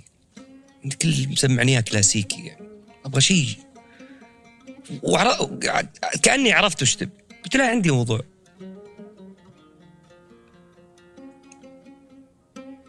سمعتها هي. قالت تحس إنه ينفع لي؟ قلت والله. يعني my job is ان إني أخليه ينفع لك يعني. شغلتي يعني. قالت طيب. قالت قالت طيب خلاص سجلها معهم. قابلنا في لندن أساس نركب صوت. في نفس ذاك الاستوديو. كان يمكن إذا ماني بغلطان أول مرة أدخل ذاك الاستوديو. أول مرة. كنا مضطرين يعني. فانحجز لي وقعدنا. ف غنت الأغاني. كم أغنية كانوا هم؟ كانوا أربع أغاني. جاتها الاغنيه كانت شاكة. مش شاك إن أنت ولا لا شاك شك إنها ما تليق عليها. إن تلبق لها الأغنية إيه. ولا لا؟ فأنا راجع أنا و... و... والمايسترو هاني فرحات. كنا في السيارة فيقول لي خلاص ما شاء الله غنت ثلاث أغاني يعني. كنا تونا في بداياتنا أنا وهاني يعني. فيوم جينا لقينا مهندس برضو من حبايبي وقريب شفته في الرياض. آه، المهندس أمين عاكف. كان يقنع أصالة إنها تجرب يعني بس جربي قبل ما نجي. فإحنا جايين شكرا على هال آه، الصوت المبهر طبعا وعلى الفرصة وإن شاء الله نحق نكرر ثاني يا رب تكون انبسطتي وهي كذلك. فخلاص يعني بن آه، على قولتهم فركش. يعني آه بنفضها خلاص الحين. لا لا خلاص خلصنا شغلنا يعني. أنا توقعت كذا.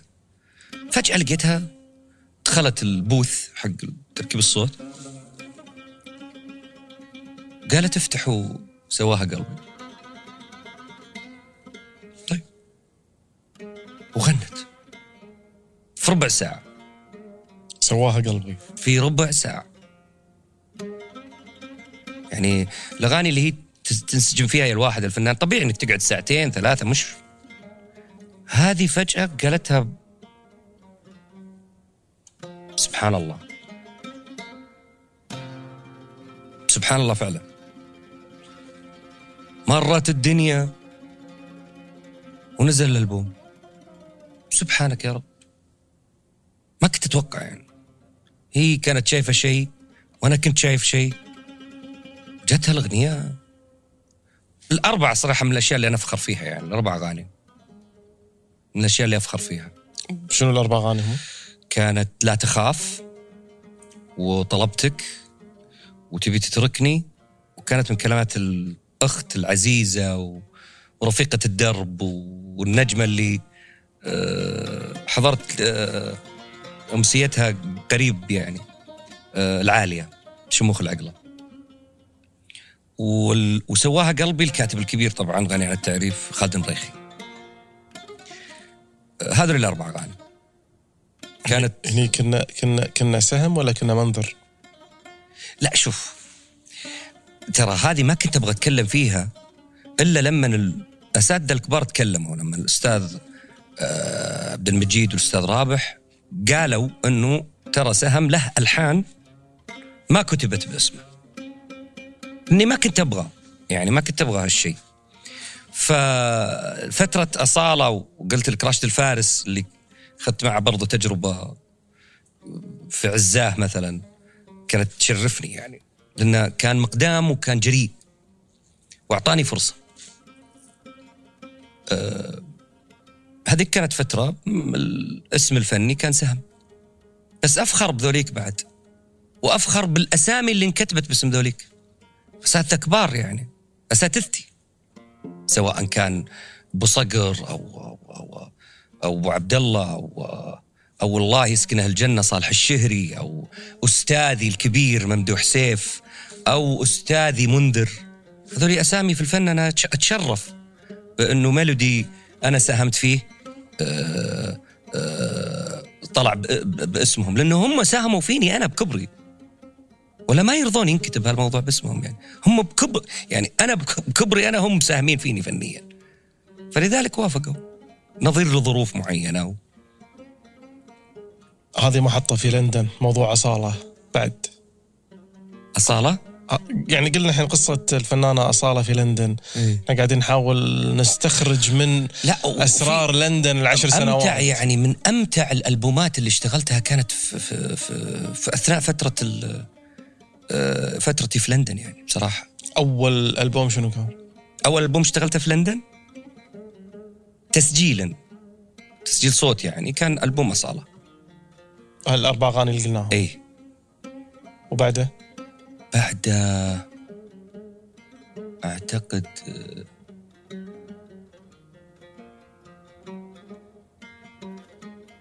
بعد ألبوم اصاله أعتقد ألبوم مليون خاطر. عبد المجيد. بس أبو عبد الله كان في جدة. يعني بدينا أنا وياه في الرياض وجدة و... وبعدين أنا رحت مصر ورجعت. بس اللمسات الأخيرة في الألبوم كنت أنا في لندن وهو في جدة. وكان شيء يشرف بالنسبة لي. بصراحة. بس ما اشتغلنا ذاك الألبوم في لندن. يعني أنا اشتغلت في لندن. بس هو لا الميكس لا. يعني لسه يعني. فعليا ثاني ألبوم اشتغلته في لندن كان إذا ماني واهم. ألبوم آه، أم حنين الغالية. آه، ضاقت عليك. كان هذا هم في لندن. إي في لندن وكانت أم حنين يعني ضحت في ذاك الألبوم. طبعا آه مسيها بالخير. ومبروك ألبومها الأخير يعني ألبوم ممتع بصراحة ألبوم الأرض. آه كان ذاك ألبوم برضه ذكرياته ممتعة بالنسبة لي. ضحت بأي معنى؟ كانت تعبانة. يعني كانت مريضة وإحنا بنبدأ نشتغل. وبرضه آه، أصرت تحضر وأصرت تشوف وأصرت تحاول تركب أصرت هذا شيء ما أنساه لهم حنين يعني. على اسمها نوال الله يحميها يعني. من الناس القريبين لقلبي كثير يعني بصراحة. كان من الألبومات اللي استمتعت فيها. يعني ضاقت عليك مثلا؟ لما وصلت أم حنين لندن ما كانت موجودة أصلا ضاقت عليك. ما, ما في شيء اسمه ضاقت من, عليك. من ضمن الخيارات لا لا لا. أصلا. وإحنا شغالين وإحنا مدري إيش. فقلت الجملة ف رجع المايسترو هاني فرحت ينفذها في القاهرة ورجع لنا لندن. while ألبوم نوال قاعدة تخلص فيه في لندن. هذه ما انساها برضو. أه بعدين مع ام حنين تحس إنك ما أنت فعلا ما أنت قاعد تشتغل. قاعد تستمتع. السوالف حلوة الضحك حلو الأكل حلو وتهتم بالتفاصيل دي ام حنين عطنا قصة من القصص معاها. حنين طبخها عظيم. إي وخذها من واحد نحيف سابقا متين حاليا. إيه، لا ما شاء الله تبارك الله. حنين كانت تطبخ لك أكل كانت طباخ طباخ كويتي الكويتي كويتي كان- بلندن. أوه. شنو أكثر شيء كانت تتقنه يعني؟ المربين وش اسمه هذا؟ والمطبق و... طبق زبيدي. أيوه كان تقولون. عيشكم. العيش إحنا نقول رز. إي عيش. إي عيشكم. هذا عظيم. بصراحة أنا ما أنسى يعني. لا وغير غير طب يعني أجواء حنين آه، أسرية كذا تحس من أول يعني. تستمتع معها بصراحة. ألبوم استمتعت فيه كثير.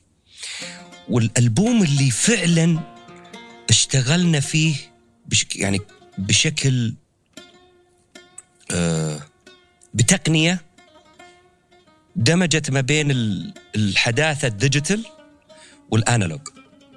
بصراحة كان ألبوم راشد الفارس. 2010 اللي فيه أبوك في الجنة و... وفي أمور و...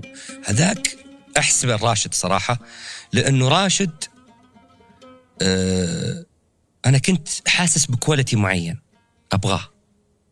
وكان شريطة إنك تدمج ما بين نوعيتين من التكنولوجيا موجودة. طبعا هذه التكنولوجيا أساتذتي مروا عليها وشافوها بس استغنوا عنها في نظير سرعة الإنتاج إن صح التعبير. فأنا كنت أبغى أحاول از برودوسر يعني أدمج ما بين هال هال هالنوعيتين في التكنولوجيا. أنا صاير ثقيل دم بس عارف بس موضوع أظن بيع- بيعني لا لا مهم جدا يعني بالعكس. فجربته مع أساتذة كثير مو إنهم ما حبوه بس شافوا إنها مضيعة وقت يعني. مثل مين؟ ممكن نختصر مثل مين؟ ألو... ال- ال- ال- السوق إن صح التعبير الوسط الفني ما بشكل عام. قبله. لا يعني سويناه قبل يا سهم. أم، ما هو يعني ما هي ما هي الفرق؟ أنا كنت مؤمن إنه في فرق. إني كنت اسمعه فالوحيد اللي قال لي let's go كان راشد. كان راشد. الفارس. ذاك الألبوم برضو أنا من الأشياء اللي أعشقها. يعني في أعمال سواء لي أو غيري من زملائي. يعني أشياء لياسر أبو علي أشياء ال- الوليد الشامي أشياء ال- ال- الهرمي أشياء كثير من الزملاء. تجنن. مش بس أنا. فعلا يعني. ذاك الألبوم ممتع بالنسبة لي. هذول أبرز ثلاث هذاك. الألبوم كون آه خلينا نقول بدايات استخدام ال ال ال ال الطريقة هذه وال وال concept هذا. رجوعه يعني. اشرح لي اياها ال ال ال desk نفسه حق المكسر نوعية تسجيل ال- ال multitrack مع آه، البرامج الجديدة في ال edit زي ال Pro Tools والأشياء الثانية هذه. الدمج هذا كان بالنسبة لي أنا أنا ما أقول إني إحنا أول ناس لا لا. آه، أنا أقول إن إحنا من الأوائل اللي استخدمنا هال هالطريقة والحقيقة بان بان ال quality فيها. وصار السوق كله ي ي ي يريد هالجودة. فهمت قصدي؟ وهذه كلها كانت في مرحلة مر... أنت مع راشد. لا في الألبوم ذاك تحديدا. الألبوم هو طبعا. آه كبر الموضوع. بعد كذا جت الفنانة الكبيرة الغالية اللي يعني تخجلني. بادبها و... وحبها للفن و... وهذه إنسانة أنا سبحان الله هذه وجه الخير. كلهم والله بس أحلام أنا أتفائل فيها. أتفائل فيها ما فيها كلام. وأتفائل برضو كان الألبوم الثاني اللي هو كنت معها في أغنيتين. هذا أنا و آه، أغنية للأمير سعود بن عبد الله ناسي اسمها. تصدق ناسي اسمها؟ بس بجيبها إن شاء الله قريب. بيجيني بيجي ف ألبوم هذا أنا أحلام طلبت مني طلب غريب. اللي هو؟ قالت أنا أبغى شيء western classic وأعطتني مثل. مثلا بوتي بوتني Houston يعني. أنا م- يعني معقول انت بتغنين ذا؟ قلت أنا أبغى كذا لفيت لفيت أسمع علين سمعت هذا أنا كلمات صديق ورفيق درب وعبقري من العباقرة بصراحة فيصل السديري وسويناها. هذا أول تعاون مع احلام أول تعاون. وإن شاء الله مو بآخر تعاون. هو شلون بدأ اللقاء مع الفنانة احلام يعني؟ لي أخت الله يحفظها لي غالية علي. من أكبر آه، الناس اللي تحب الفنانة أحلام فهي اللي شرفتني وعرفتني عليها يعني. و- وبعد كذا هي طلب طلبت منك هي إن تلحن لها شيء أو تسمعها شيء؟ عرفتنا على بعض. يعني الفنانة أحلام. بعد بعد التعارف اللي إيه. صار. لازم تسوي له شيء وهذا كان شيء يسعدني ويشرفني طبعا. وهم كنت أنت وقتها بلندن. وبرضو أجواء أم فاهد آه، ما تتصور فيها طباخ. طاقة. فيها طباخ بعد نفس نوال أوه. في هالمكان طبخت الله يسلمها. يعني في, في, في, في البيت هذا. مو بيت الطين يعني في محل.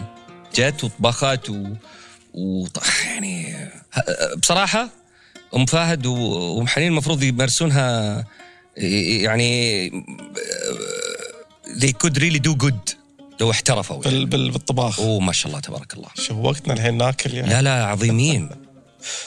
عظيمين يعني. لا يعلى عليهم في الموضوع ذا بصراحة.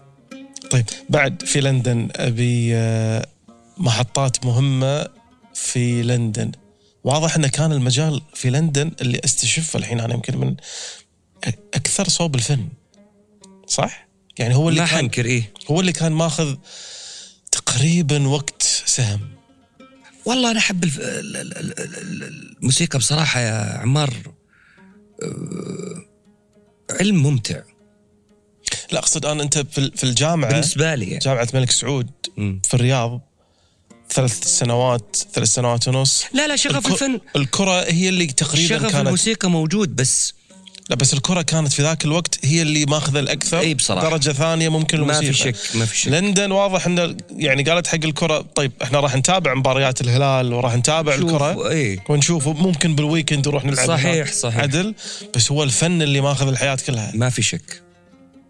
أكون صادق يعني. إذا بكون صادق إيه صح. صح. كنت واستمرت إلى الآن. هي أكيد واضح إنها استمرت إلى الآن. بس يمكن تلعب كرة بلندن. يعني مو كثير. آه لا الرياضة رجعت؟ شو كثير. كرة القدم. أنت شايف؟ الله يعطيك الصحة والعافية. طيب ففي لندن بعد أبي محطات آه، وين إذا إحنا لازلنا في لندن نرجع مرة ثانية لندن؟ بس قبل ما أخلص لو فاهد موضوع. آه، بدينا الألبوم أنا ما لي إلا عملين فيه. هذا هذا أنا. إيه. النص حق الامير سعود بن عبد الله الأغنية اسمها ما به جديد. ما به جديد إلا الحمد لله جتني أه يوم جت تركب أنا طبعا مستغرب إنها بت بت بت بتغني أغنية هذا أنا يعني. أنت مستغرب؟ اي لأنه آه، نيرف أم فهد اي بس هي طالبة منك قالت هي طالبة. اللون أنا ابي أبيه. احسب يحسب لها بصراحة تبي تختلف تبي تفاجئ. فأنا دوري في الأغاني لسه ما بعد وهي كانت جاية لندن تركب باقي ألبومها.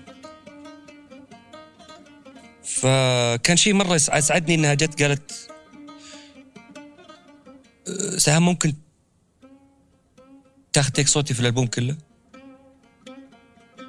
هذا الشيء بصراحة كان بالنسبة لي كومبلمنت يعني آه، يسوى من من من فنان أحلام. من فنان فنانة كبيرة زي أحلام. ثقة أشرف فيها يعني. فكان آه، كانت أيام ممتعة بالنسبة لي صراحة. برضو من الألبومات اللي استمتعت فيها كثير. بعد كذا آه، صارت المسألة ما تفرق وين تكون يا الواحد. كيف يعني؟ صار عند الواحد شيء من الخبرة. بعد ألبوم الفنان احلام الفترة ذيك. وثقة لدى الفنانين الكبار. هذا شيء يشرفني. طبعا أنا ما أبي أنسى المراحل اللي بينهم من الفنانين والزملاء الشباب أو الشابات. بس آه، أنا قاعد أقول ومضات آه، اللي أتذكرها وأرجوكم الجمهور الكريم اللي أنا مثلا ما ذكرت اسمه صد يعني أرجو إنه ما يزعل مني لأنه جل من لا يسهو يعني. إحنا ذكرنا أربع محطات إذا في شيء زيادة عشان نستدركه. إحنا قلنا محطة لا أنت تتكلم عن مرحلتي محطة في لندن, لندن وش سويت هناك في الفن. وذكرنا أربع محطات رئيسية طبعاً. تقريبا. آه قلنا محطة ألبوم. لا بس مثلا يعني ألبوم مثلا أصالة. أنا يعني ألبوم منتهى الرقة مثلا. الألبومات اللي قبله السناق اللي مع مع أبو صقر كان معظمها أنا في الرياض أنا في جدة وهذا شيء. هذه من الأشياء اللي بنت أسس كون إني أكون ملحن يعني. بس ما تواجهت مثلا أنا وأبو صقر في لندن وهذا برضو شيء يسعدني ويشرفني. إلا يمكن 2013 2014 الألبوم نزل 2015 اللي هو اللي هو آه، قبل قبل الألبومين هذول اللي فاتوا.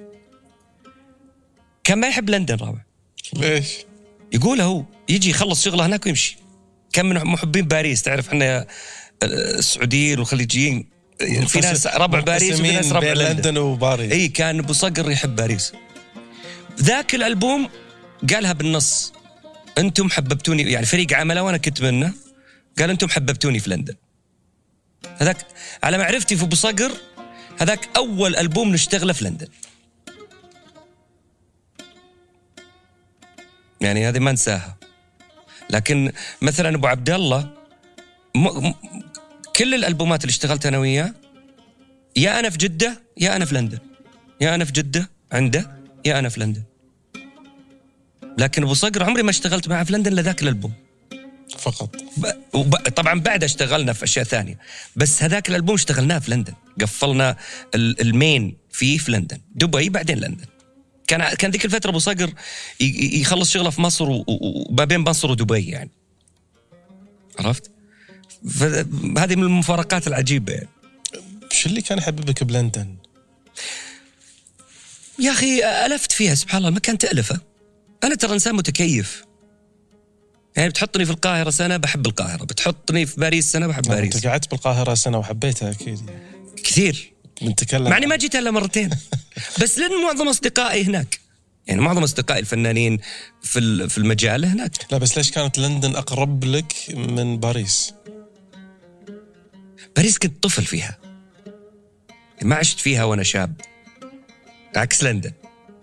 بس لندن كان اختيارك إنك أنت تبي تقعد لا قلت لك أنا قريب من أهلي وخصوصا إخواني. إخواني كانوا أصدقائي يعني وهذا شيء يشرفني. فكنت أبي أكون حولهم أبي أكون معهم. أحس ب... تعرف فاهم قصدي؟ ما تحس بالغربة يعني ما تحس بالهومسك إن صح التعبير يعني. شو اللي يميزها لندن؟ في عين آه، أحمد بن سلطان. جوها. أنا أؤمن شوف في كل مكان في في في طاقة معينة. في أماكن يا أخي سبحان الله تصعب إنك تطلع منها شيء. مش سوء المكان بس ما في الطاقة اللي أنت تبي- تبيها. وهذا شيء صعب. أنا بالنسبة لي صعب تفسيره. في لندن كان يحصل. في الرياض يحصل. في جدة يحصل. في القاهرة يحصل. الطاقة هذه. إيه. باريس يحصل. بس بس مو بالشكل ال- المخضرم اللي قلت لك في الرياض وجدة و... بالنسبة لي ولندن يعني. هذول أماكن ألفتها يعني أعرفها زين. بعد أبي حكاية أكثر عن لندن. زي إيش يا ربي؟ Braveheart إيه. أنت إيش دراك عبري فهد؟ اي بس هذا شوف أنا حضرته وأنا صغير مرة. يعني قبل يمكن في الابتدائي أنا فعلا في الابتدائي الفيلم 96 إيه، إيه، 97 ابتدائي أنا. ابتدائي أو متوسط بالكثير أنت إيش دراك لا بس بغض النظر أنت لك أسلوبك ولك مصادرك ما شاء الله تبارك الله أصلا يوم قلتها جاني خفقان ليه؟ لا إحنا خلصنا الخفقان الأول لا لا شلون عرف يعني من قال؟ الجو إحنا الحين لا من خلاص قال من. قال لا هو ال- الفيلم يتكلم عن آه، قصة آه، ومش عارف إيش. أنا اللي لفت نظري طبعا الفيلم عظيم بس أنا اللي لفت نظري آلة في الفيلم. اسمها ال bagpipe أول مرة أسمع عنها و- وأشوف عنها بس كنت طفل. فالعقل الباطن عندي مسكها. كل ما صرت أسمعها فلاش باك يرجع لي للفيلم. وكانت تلعب شيء جميل. أه، حزنة. ماني مو يعني ما تعودت عليه. عرفت؟ فلين جت الفرصة إني أسوي أه، أغنية أقدر أستخدم فيها هالدراما. الآلة ذي تحديدا. وأذكر زين كنت في البيت في لندن وأكلم عبد المجيد. ويا صبرة علي الصراحه أبو عبد الله. أقول له طبعا أنا عازف رديء ماني بعازف عظيم يعني. ذيك الأيام. وأشرح له فعجبته مست... يعني عجبته عجبته فانبسطت انه يعني أنا مسوي شيء يعني. المهم كانت الأغنية اسمها لا زاد. وأمسي بالخير صديقي والغالي علي آه، الموزع عصام الشرايطي. لأن كانت بداياتي بدايات معرفتي فيه. وعن طريق المايسترو هاني فرحات. فترجم اللي أطمح عليه وبزيادة. بصراحة اللي كنت أفكر فيه طلع كذا. و كان في زي ال funeral أو شيء زي كذا memorial شيء زي كذا شيء؟ في, في لندن في قدام البيت. جنازة؟ عزاء. ذكرى. ما أدري وش هي. تخص الاسكتلنديين والله ما سألت في التفاصيل بصراحة. بس كانوا بتنانيرهم ذا ال- الكروهات دي وماسكين هالقرب. والصوت عظيم. كنت الوا... كان كنا نتفرج عليهم كذا. فهذا شيء الهمني بصراحة. إنه الآلة ذي يعني ممكن نستخدمها في في في أشياء oriental يعني شرق أوسطية. ليش لا؟ طبعا ما أقول إني أنا أول واحد مستخدم الموضوع بس أنا كان عندي شغف فيه والحمد لله الجمهور الكريم آه عجبه هالموضوع. أنا أتذكر ردة فعل الناس عن الأغنية لا زاد آه كانت ملفتة الحقيقة وهذا. كله اللي حطه بالعقل الباطن فيلم Braveheart تخيل. بس فيلم جميل يعني. طبعا فيلم عظيم. فيلم عظيم. أنا في الأفلام عاد آه، أموت فيها بصراحة. لك بالأفلام. أوه. أنا بين أصدقائي وذا أنا ال... يعني أنا من الناس الكي يعني الأفلام بالنسبة له. آه، كيف يعني؟ مزاج يعني هواية. مملمت على أشياء لي. أشوف الدراما وأشوف آه، خصوصا ال musicals. أنا شنو أكثر شيء هذا يعني- تعتبره بالنسبة لك هو هذا أسطورة لن يتكرر جميل؟ فيلم ولا ما قصد تقصد و... الأثنين. كل ما تشوفهم أو تسمعهم لا تمل منهم. فيلم كل ما تشوفه ما تمل منه. لا كثير. يعني عطني فيلمين ثلاث. إذا على ال musical في أشياء كثيرة. أنا من مثلا في الآونة الأخيرة آخر فيلم musical عجبني بصراحة عجبني كان ذا Greatest Showman مثلا لهيو جاكمان. موسيقى بالنسبة لي أنا عظيمة. كانت موسيقي كبير اسمه جريج ويليام. أنا عارفه لأنه لأنه عندنا plugin في في في ال Pro Tools باسمه. تحطه على الصوت يسوي تأثيرات معينة. فمن الأفلام اللي في الآونة الأخيرة هم مو ترى مو يعني من أربع سنين خمس سنين تقريبا. مو قديم. لا مو قديم. بس من ال musicals اللي أعشقها يعني. شيكاغو طبعا. آه، إيش كمان؟ كثير كثير أشياء ما ما أنسى. ك musicals يعني أحبها. طبعا أنت هناك بلندن و musical مسرحيات هناك المسرح. إيه شيء شيء شيء شيء عظيم بصراحة. كنت تحضر مسرحيات هناك؟ تحضر طبعا. وأحضر تسجيلات. يعني أنا مثلا أنا والمايسترو هاني فرحات حضرنا ال soundtrack تسجيله؟ والله ما أذكر وش الاستوديو Air أظن أو Air Studio أو شيء زي كذا. حضرنا تسجيل Pirates of the Caribbean مزيكا عظيمة لهانز زيمر. وتمر السنين وبوابة الدرعية مشكورة. تنقيني أنا وهاني فرحات عشان نجي بعد هالموسيقار العظيم اللي أهدى sym- symphony بوابه الدرعية هانز زيمر. شوف السخرية يعني الدنيا صغيرة سبحان الله. ما ما أنساها. من الأشياء اللي عجبتني. طبعا شفت آه، نجوم كبار في, في الاستديوهات في لندن.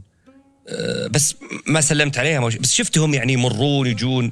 ممكن مهندس صديق أو هذا يخليني أحضر بعد التيك أسمع. فكانت أشياء تفيد تفيد مجالي يعني. شنو أكثر مسرحية حبيتها بلندن؟ إحنا كنا على آخر كاتس. آخر عرض لها آخر سنة أو سنتين حضرتها. في آه، أكثر يعني إيش كمان؟ ترى الأسامي أنا للأسف سيء فيها فبتجيني يعني لو بتسألني ثاني بقول لك آه، وش فيه بس آخر شيء أتذكره حضرته كان Cats. كان شيء عظيم بصراحة. مبهر. جدا يعني. بعد لندن شنو فيها؟ من من من مواقف الآن تتعلق بسهم تحديدا. أقول لك شيء الصدق. وهذا أتوقع أي أحد يعرفني زين وبيشوفني الحين بيقول إيه. الحين now we are talking إيه. أنا ما أطلع عمار. نهائي. الرياض بالنسبة لي هي جدة هي لندن هي باريس. أنا في مكان اللي. بيتوتي أكثر. جدا. بزيادة. لدرجة أيام الحجر يوم كنت في القاهرة واحد من الغالين علي أبو ناصر مع المستشار تركي الشيخ. كانت ذيك الأيام ترتيبات الناس والناس بترجع الرياض ومش عارف إيش. ف أنت صارت الكورونا وأنت بمصر. وأنا بالقاهرة أيوة. فطالع فيني قال يعني أبو نايف انت حياتك كلها حجر. لا, لا, انت بتطلع ولا انت بتروح. آه انت حياتك كلها حجر. اي يعني لا انت انت بتطلع ولا أنت بتروح. قاعد بالبيت يعني. اي يعني ما ف بصراحة ما فارقه جيت هنا ولا رحت هناك قلت والله معك حق تصدق وقعدت. في في القاهرة. ما انساها هذه. ففعلا تراني ما أطلع. ف- ف- فلندن هي العملية كانت اللي نقدر راح ندرسها ندرسها بس ماخذين؟ راحتنا بالدراسة. معظم الموضوع بس music الموضوع. جودة الاستديوهات اللي هناك هي اللي لفتت نظري. mainly عشان أكون صادق. أنا كنت من الجامعة للاستوديو البيت ترى أكثر من كذا يعني إن طلعت أتعشى ولا طلعت مع الربع ولا ترى مغصوب. يعني قم تعال معنا يا أخي. أه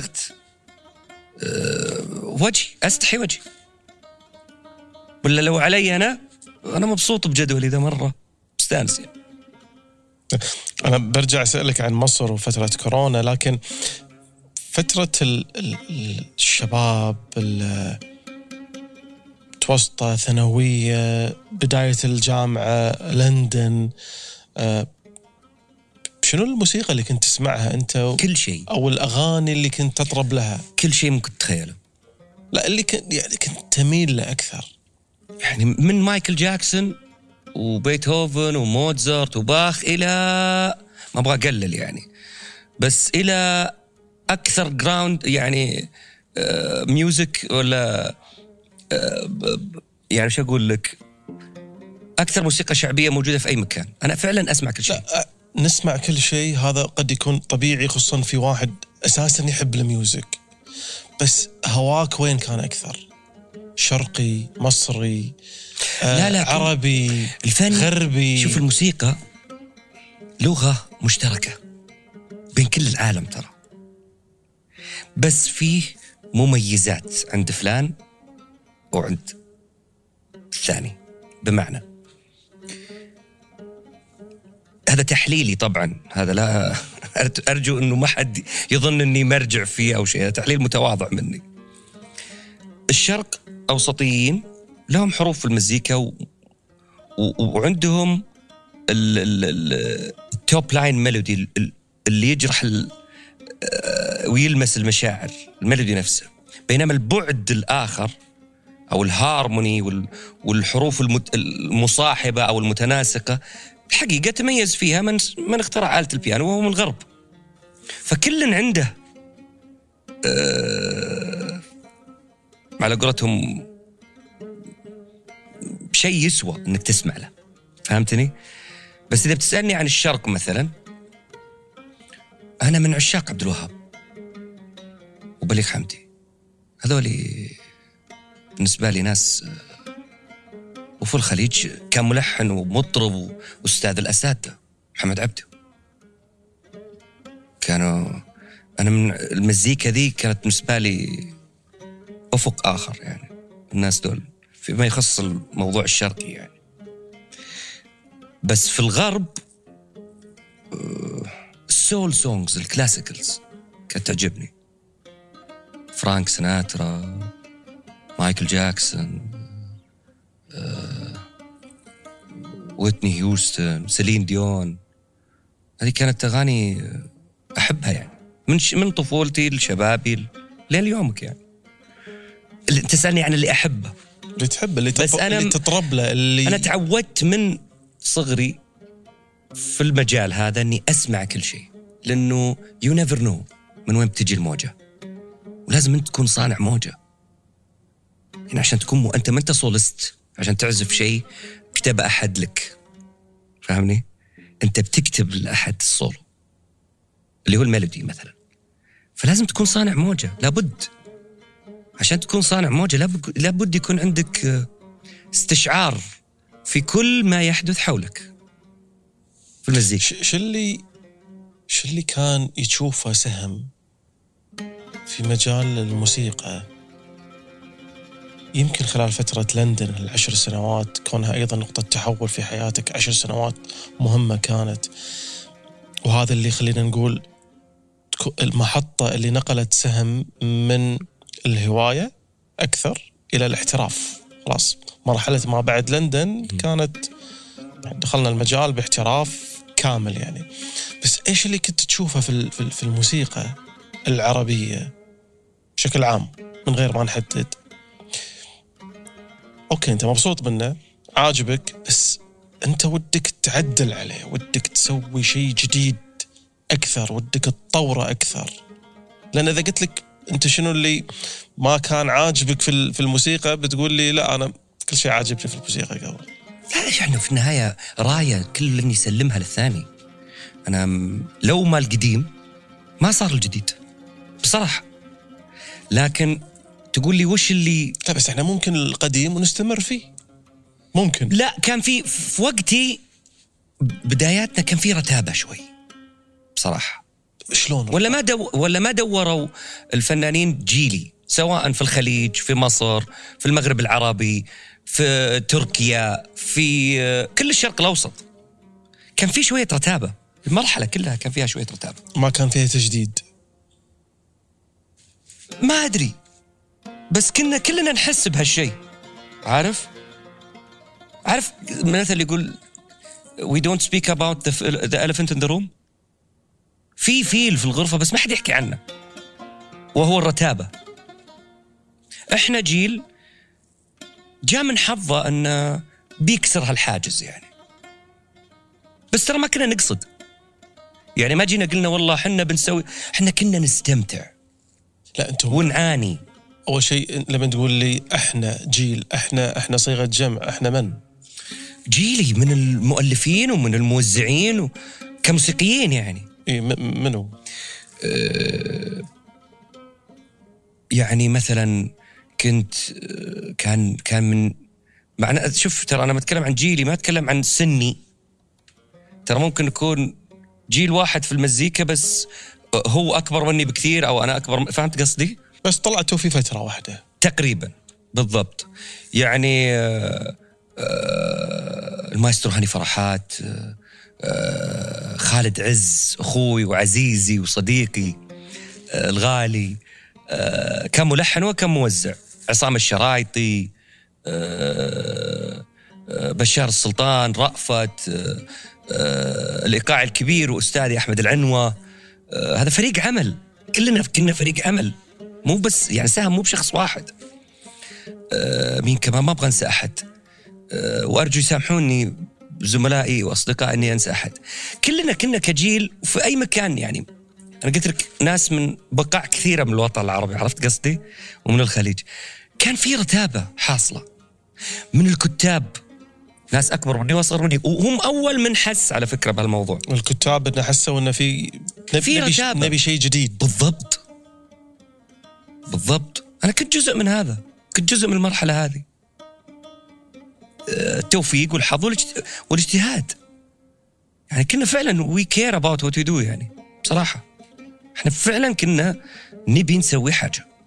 ولما متى انحسبت لنا بعد توفيق الله سبحانه وتعالى لما ال- الرأي الجمهور لأنه هو المقيم الأهم لما عجبه الموضوع. بصراحة ألبوم مليون خاطر كان ال- الباكورة حقت ال ال ال كل هذا كل كل ما يعني كل ما سيأتي بعد هذا الموضوع بصراحة. بس بس هذا الباكورة ها، خلينا نقول هني التخضرم بالبداية جناه أبو الحقيقية. عبد الله في ذاك الألبوم بصراحة من من كل جيلنا. بس إيش العمل اللي كان قبل اللي هني بدينا نستشعر انه سهم واللي معاه عندهم شيء جديد قلت مختلف. لك قلت لك آه، أو بعدين إحنا يعني ابو صقر الموضوع كان يحسب له إن الرجل هذاك عنده يعني عنده فيجن معين ولون معين فهم يخصه. فإحنا كلنا بدينا مع ابو صقر بس ما كانت عندنا الخبرات والفرصة اللي جت مع أبو عبد الله. فهمت قصدي؟ كيف؟ يعني آه، يعني في هتات مش طبيعية كانت مع أبو صقر. مع أبو صقر. في كذا من ربي حبيته آه، أبعد آه، منتهى الرقة آه، أشياء ما شاء الله تبارك الله يعني. بس برضو كان كان أبو صقر يحط صبغة خبرته فيها. إحنا لا زلنا شباب يحتاج خبرة رابح. بينما في ألبوم مليون خاطر. عبد المجيد كان معطيكم إيه. مجال أكثر. مجال أكثر طبعا. بإرادته يعني هو في النهاية. لا هو كان شايف شيء. هو شايف شيء. هذولي ابى أجني منهم وبطوي بطوي على قولته صفحة معهم. وبنبدأ صفحة جديدة. كانت مع أبو عبد الله في ذاك الألبوم صراحة. فكل واحد فيهم عملنا شيء بصراحة. عشان ما أقدر أنك... تحديدا لي أنا. يعني ما أدري عن زملائي الثانيين بس أزعم إني أتكلم بالنيابة عني وعن كل من ذكرت من الموسيقيين إنه آه هذا اللي حسينا فيه. عرفت؟ لندن. بعد فيها شيء ما قلنا؟ لا عيد السؤال. لندن فيها شيء ما قلناه من الأشياء اللي ممكن تنقال؟ إيش رأيك بالعبارة؟ طويلة. أنا ما ابي احد يفهمني غلط. بس والله ذاكرتي يعني اللي بيحضرني والله بقولها لك عمار. يعني بس أنا مشكلتي في التواريخ وفي ال... قلت لك أنا الناس تأتمني على أسرارها مو عشاني أمين عشاني بس. نساي. صدق يعني. طيب إحنا قبل ما ننتقل لمرحله ما بعد لندن وأيضا راح نعرج بكل تأكيد على الملف الرياضي معاك آه، أبو نايف. آه، عادة لما نسمع الملحنين أو المطربين الفنانين آه، في الوطن العربي بالخليج يشار عادة في السابق يشار إلى الكويت في هذا طبعاً. المجال. طبعا. وعربيا يشار إلى مصر تحديدا يعني. طبعا. من الناحية الفنية تحديدا هل كان في أي تأثير على بنايف في سواء من المجال الكويتي أوه. أو المصري؟ طبعا. لي أساتذة هنا وأساتذة هنا. وشوف جمهور الكويت. هذا الجمهور يعني اللي يوصل له يوصل الجائزة عظيمة تبقى معه طول عمره. بصراحة جمهور متذوق جمهور آه، آه، مو بس كلامي أنا كلام كل من وقف على المسرح قدامهم وغنى. وكل من ألف هالأغنية سواء كان كاتبها أو ملحنها قالها قبلي. فما بالك إني أنا أحس فيها. هذا شيء يفخرني طبعا.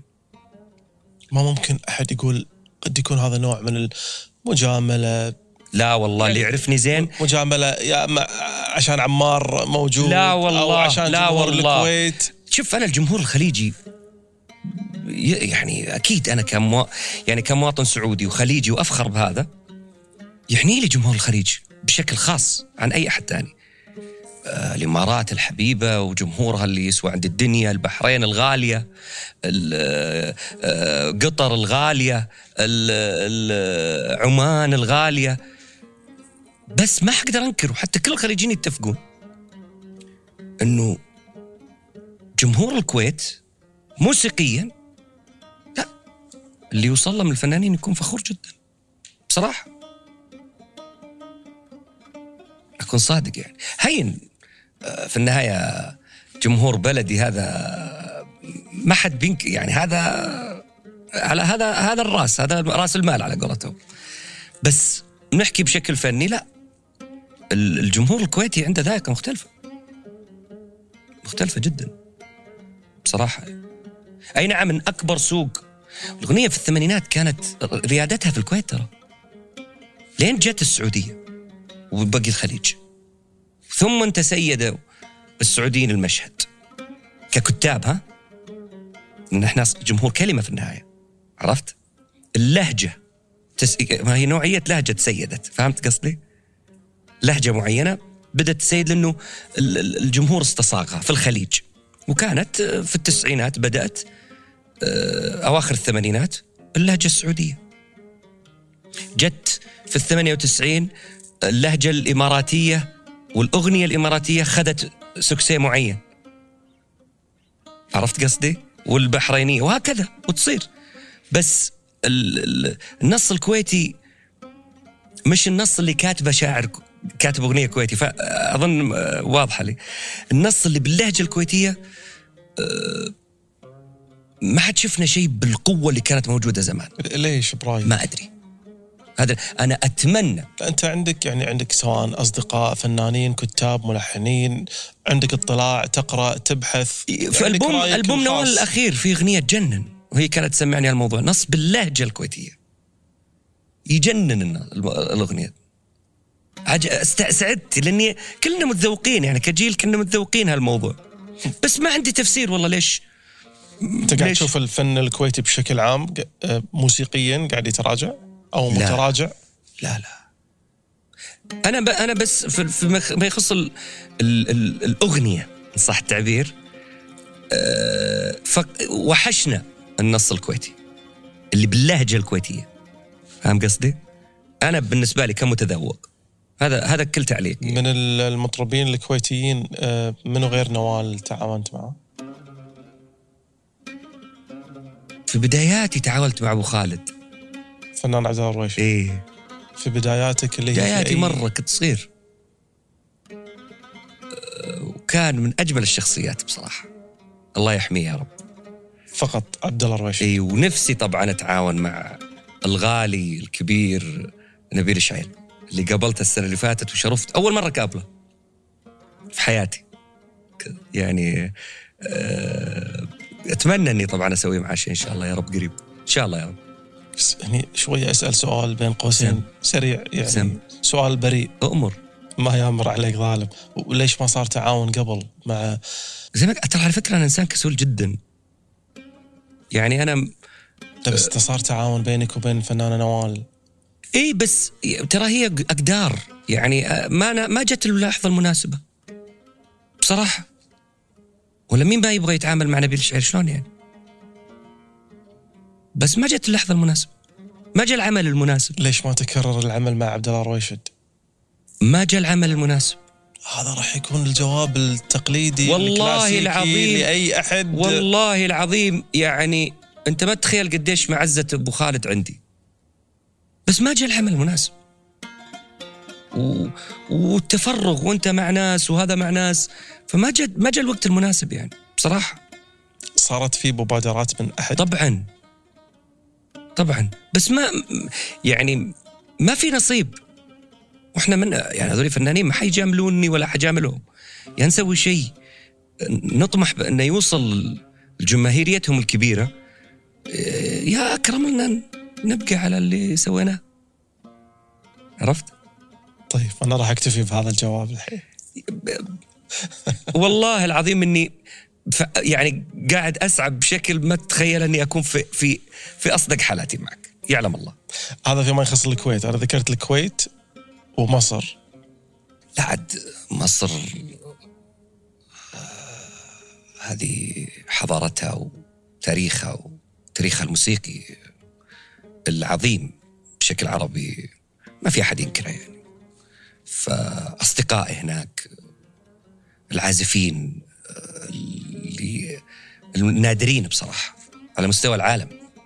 في عازفين في القاهرة على مستوى العالم مصنفين بصراحة. بصراحة. وهذا شيء يثلج صدري ويفخرني إنه اشتغلت آه، معهم في يوم من الأيام. تشوفون باكورتهم كلهم أغلبهم تلقاهم في الحفلات اللي موجودة الآن في موسم الرياض ومواسم المملكة و ومهرجانات الخليج سواء في الكويت أو الإمارات أو قطر أو البحرين أو عمان.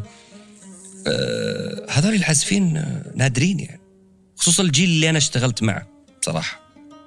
اللي ذكرنا اساميهم قبل شوي فنان خالد لا في عازف و... طبعا لا يعني مثلا واحد زي محمود سرور واحد زي يحيى مهدي واحد زي آه، كثير عازفين ما أبغى أنسى أحد. ناس أساتذة كبار في مج... في أشياء عدة يعني. وهم أصدقاء لي. يعني آه، وفنانين. طبعا ما أبي أنسى في المرحلة الأخيرة بعد. صوت مصر. هذه هذه حكاية ثانية لحالها. مين صوت مصر؟ أنغام. هذه حكاية ثانية لحالها. فإذا بناخذ بريك آه، أحب إنه إذا سمحت لي أبدأ في هال نتوقف الهرم الكبير يعني. نتوقف عن صوت مصر؟ طبعا. ونكمل بالجزء الثاني. إذا أذنت لي. لا تامر أمر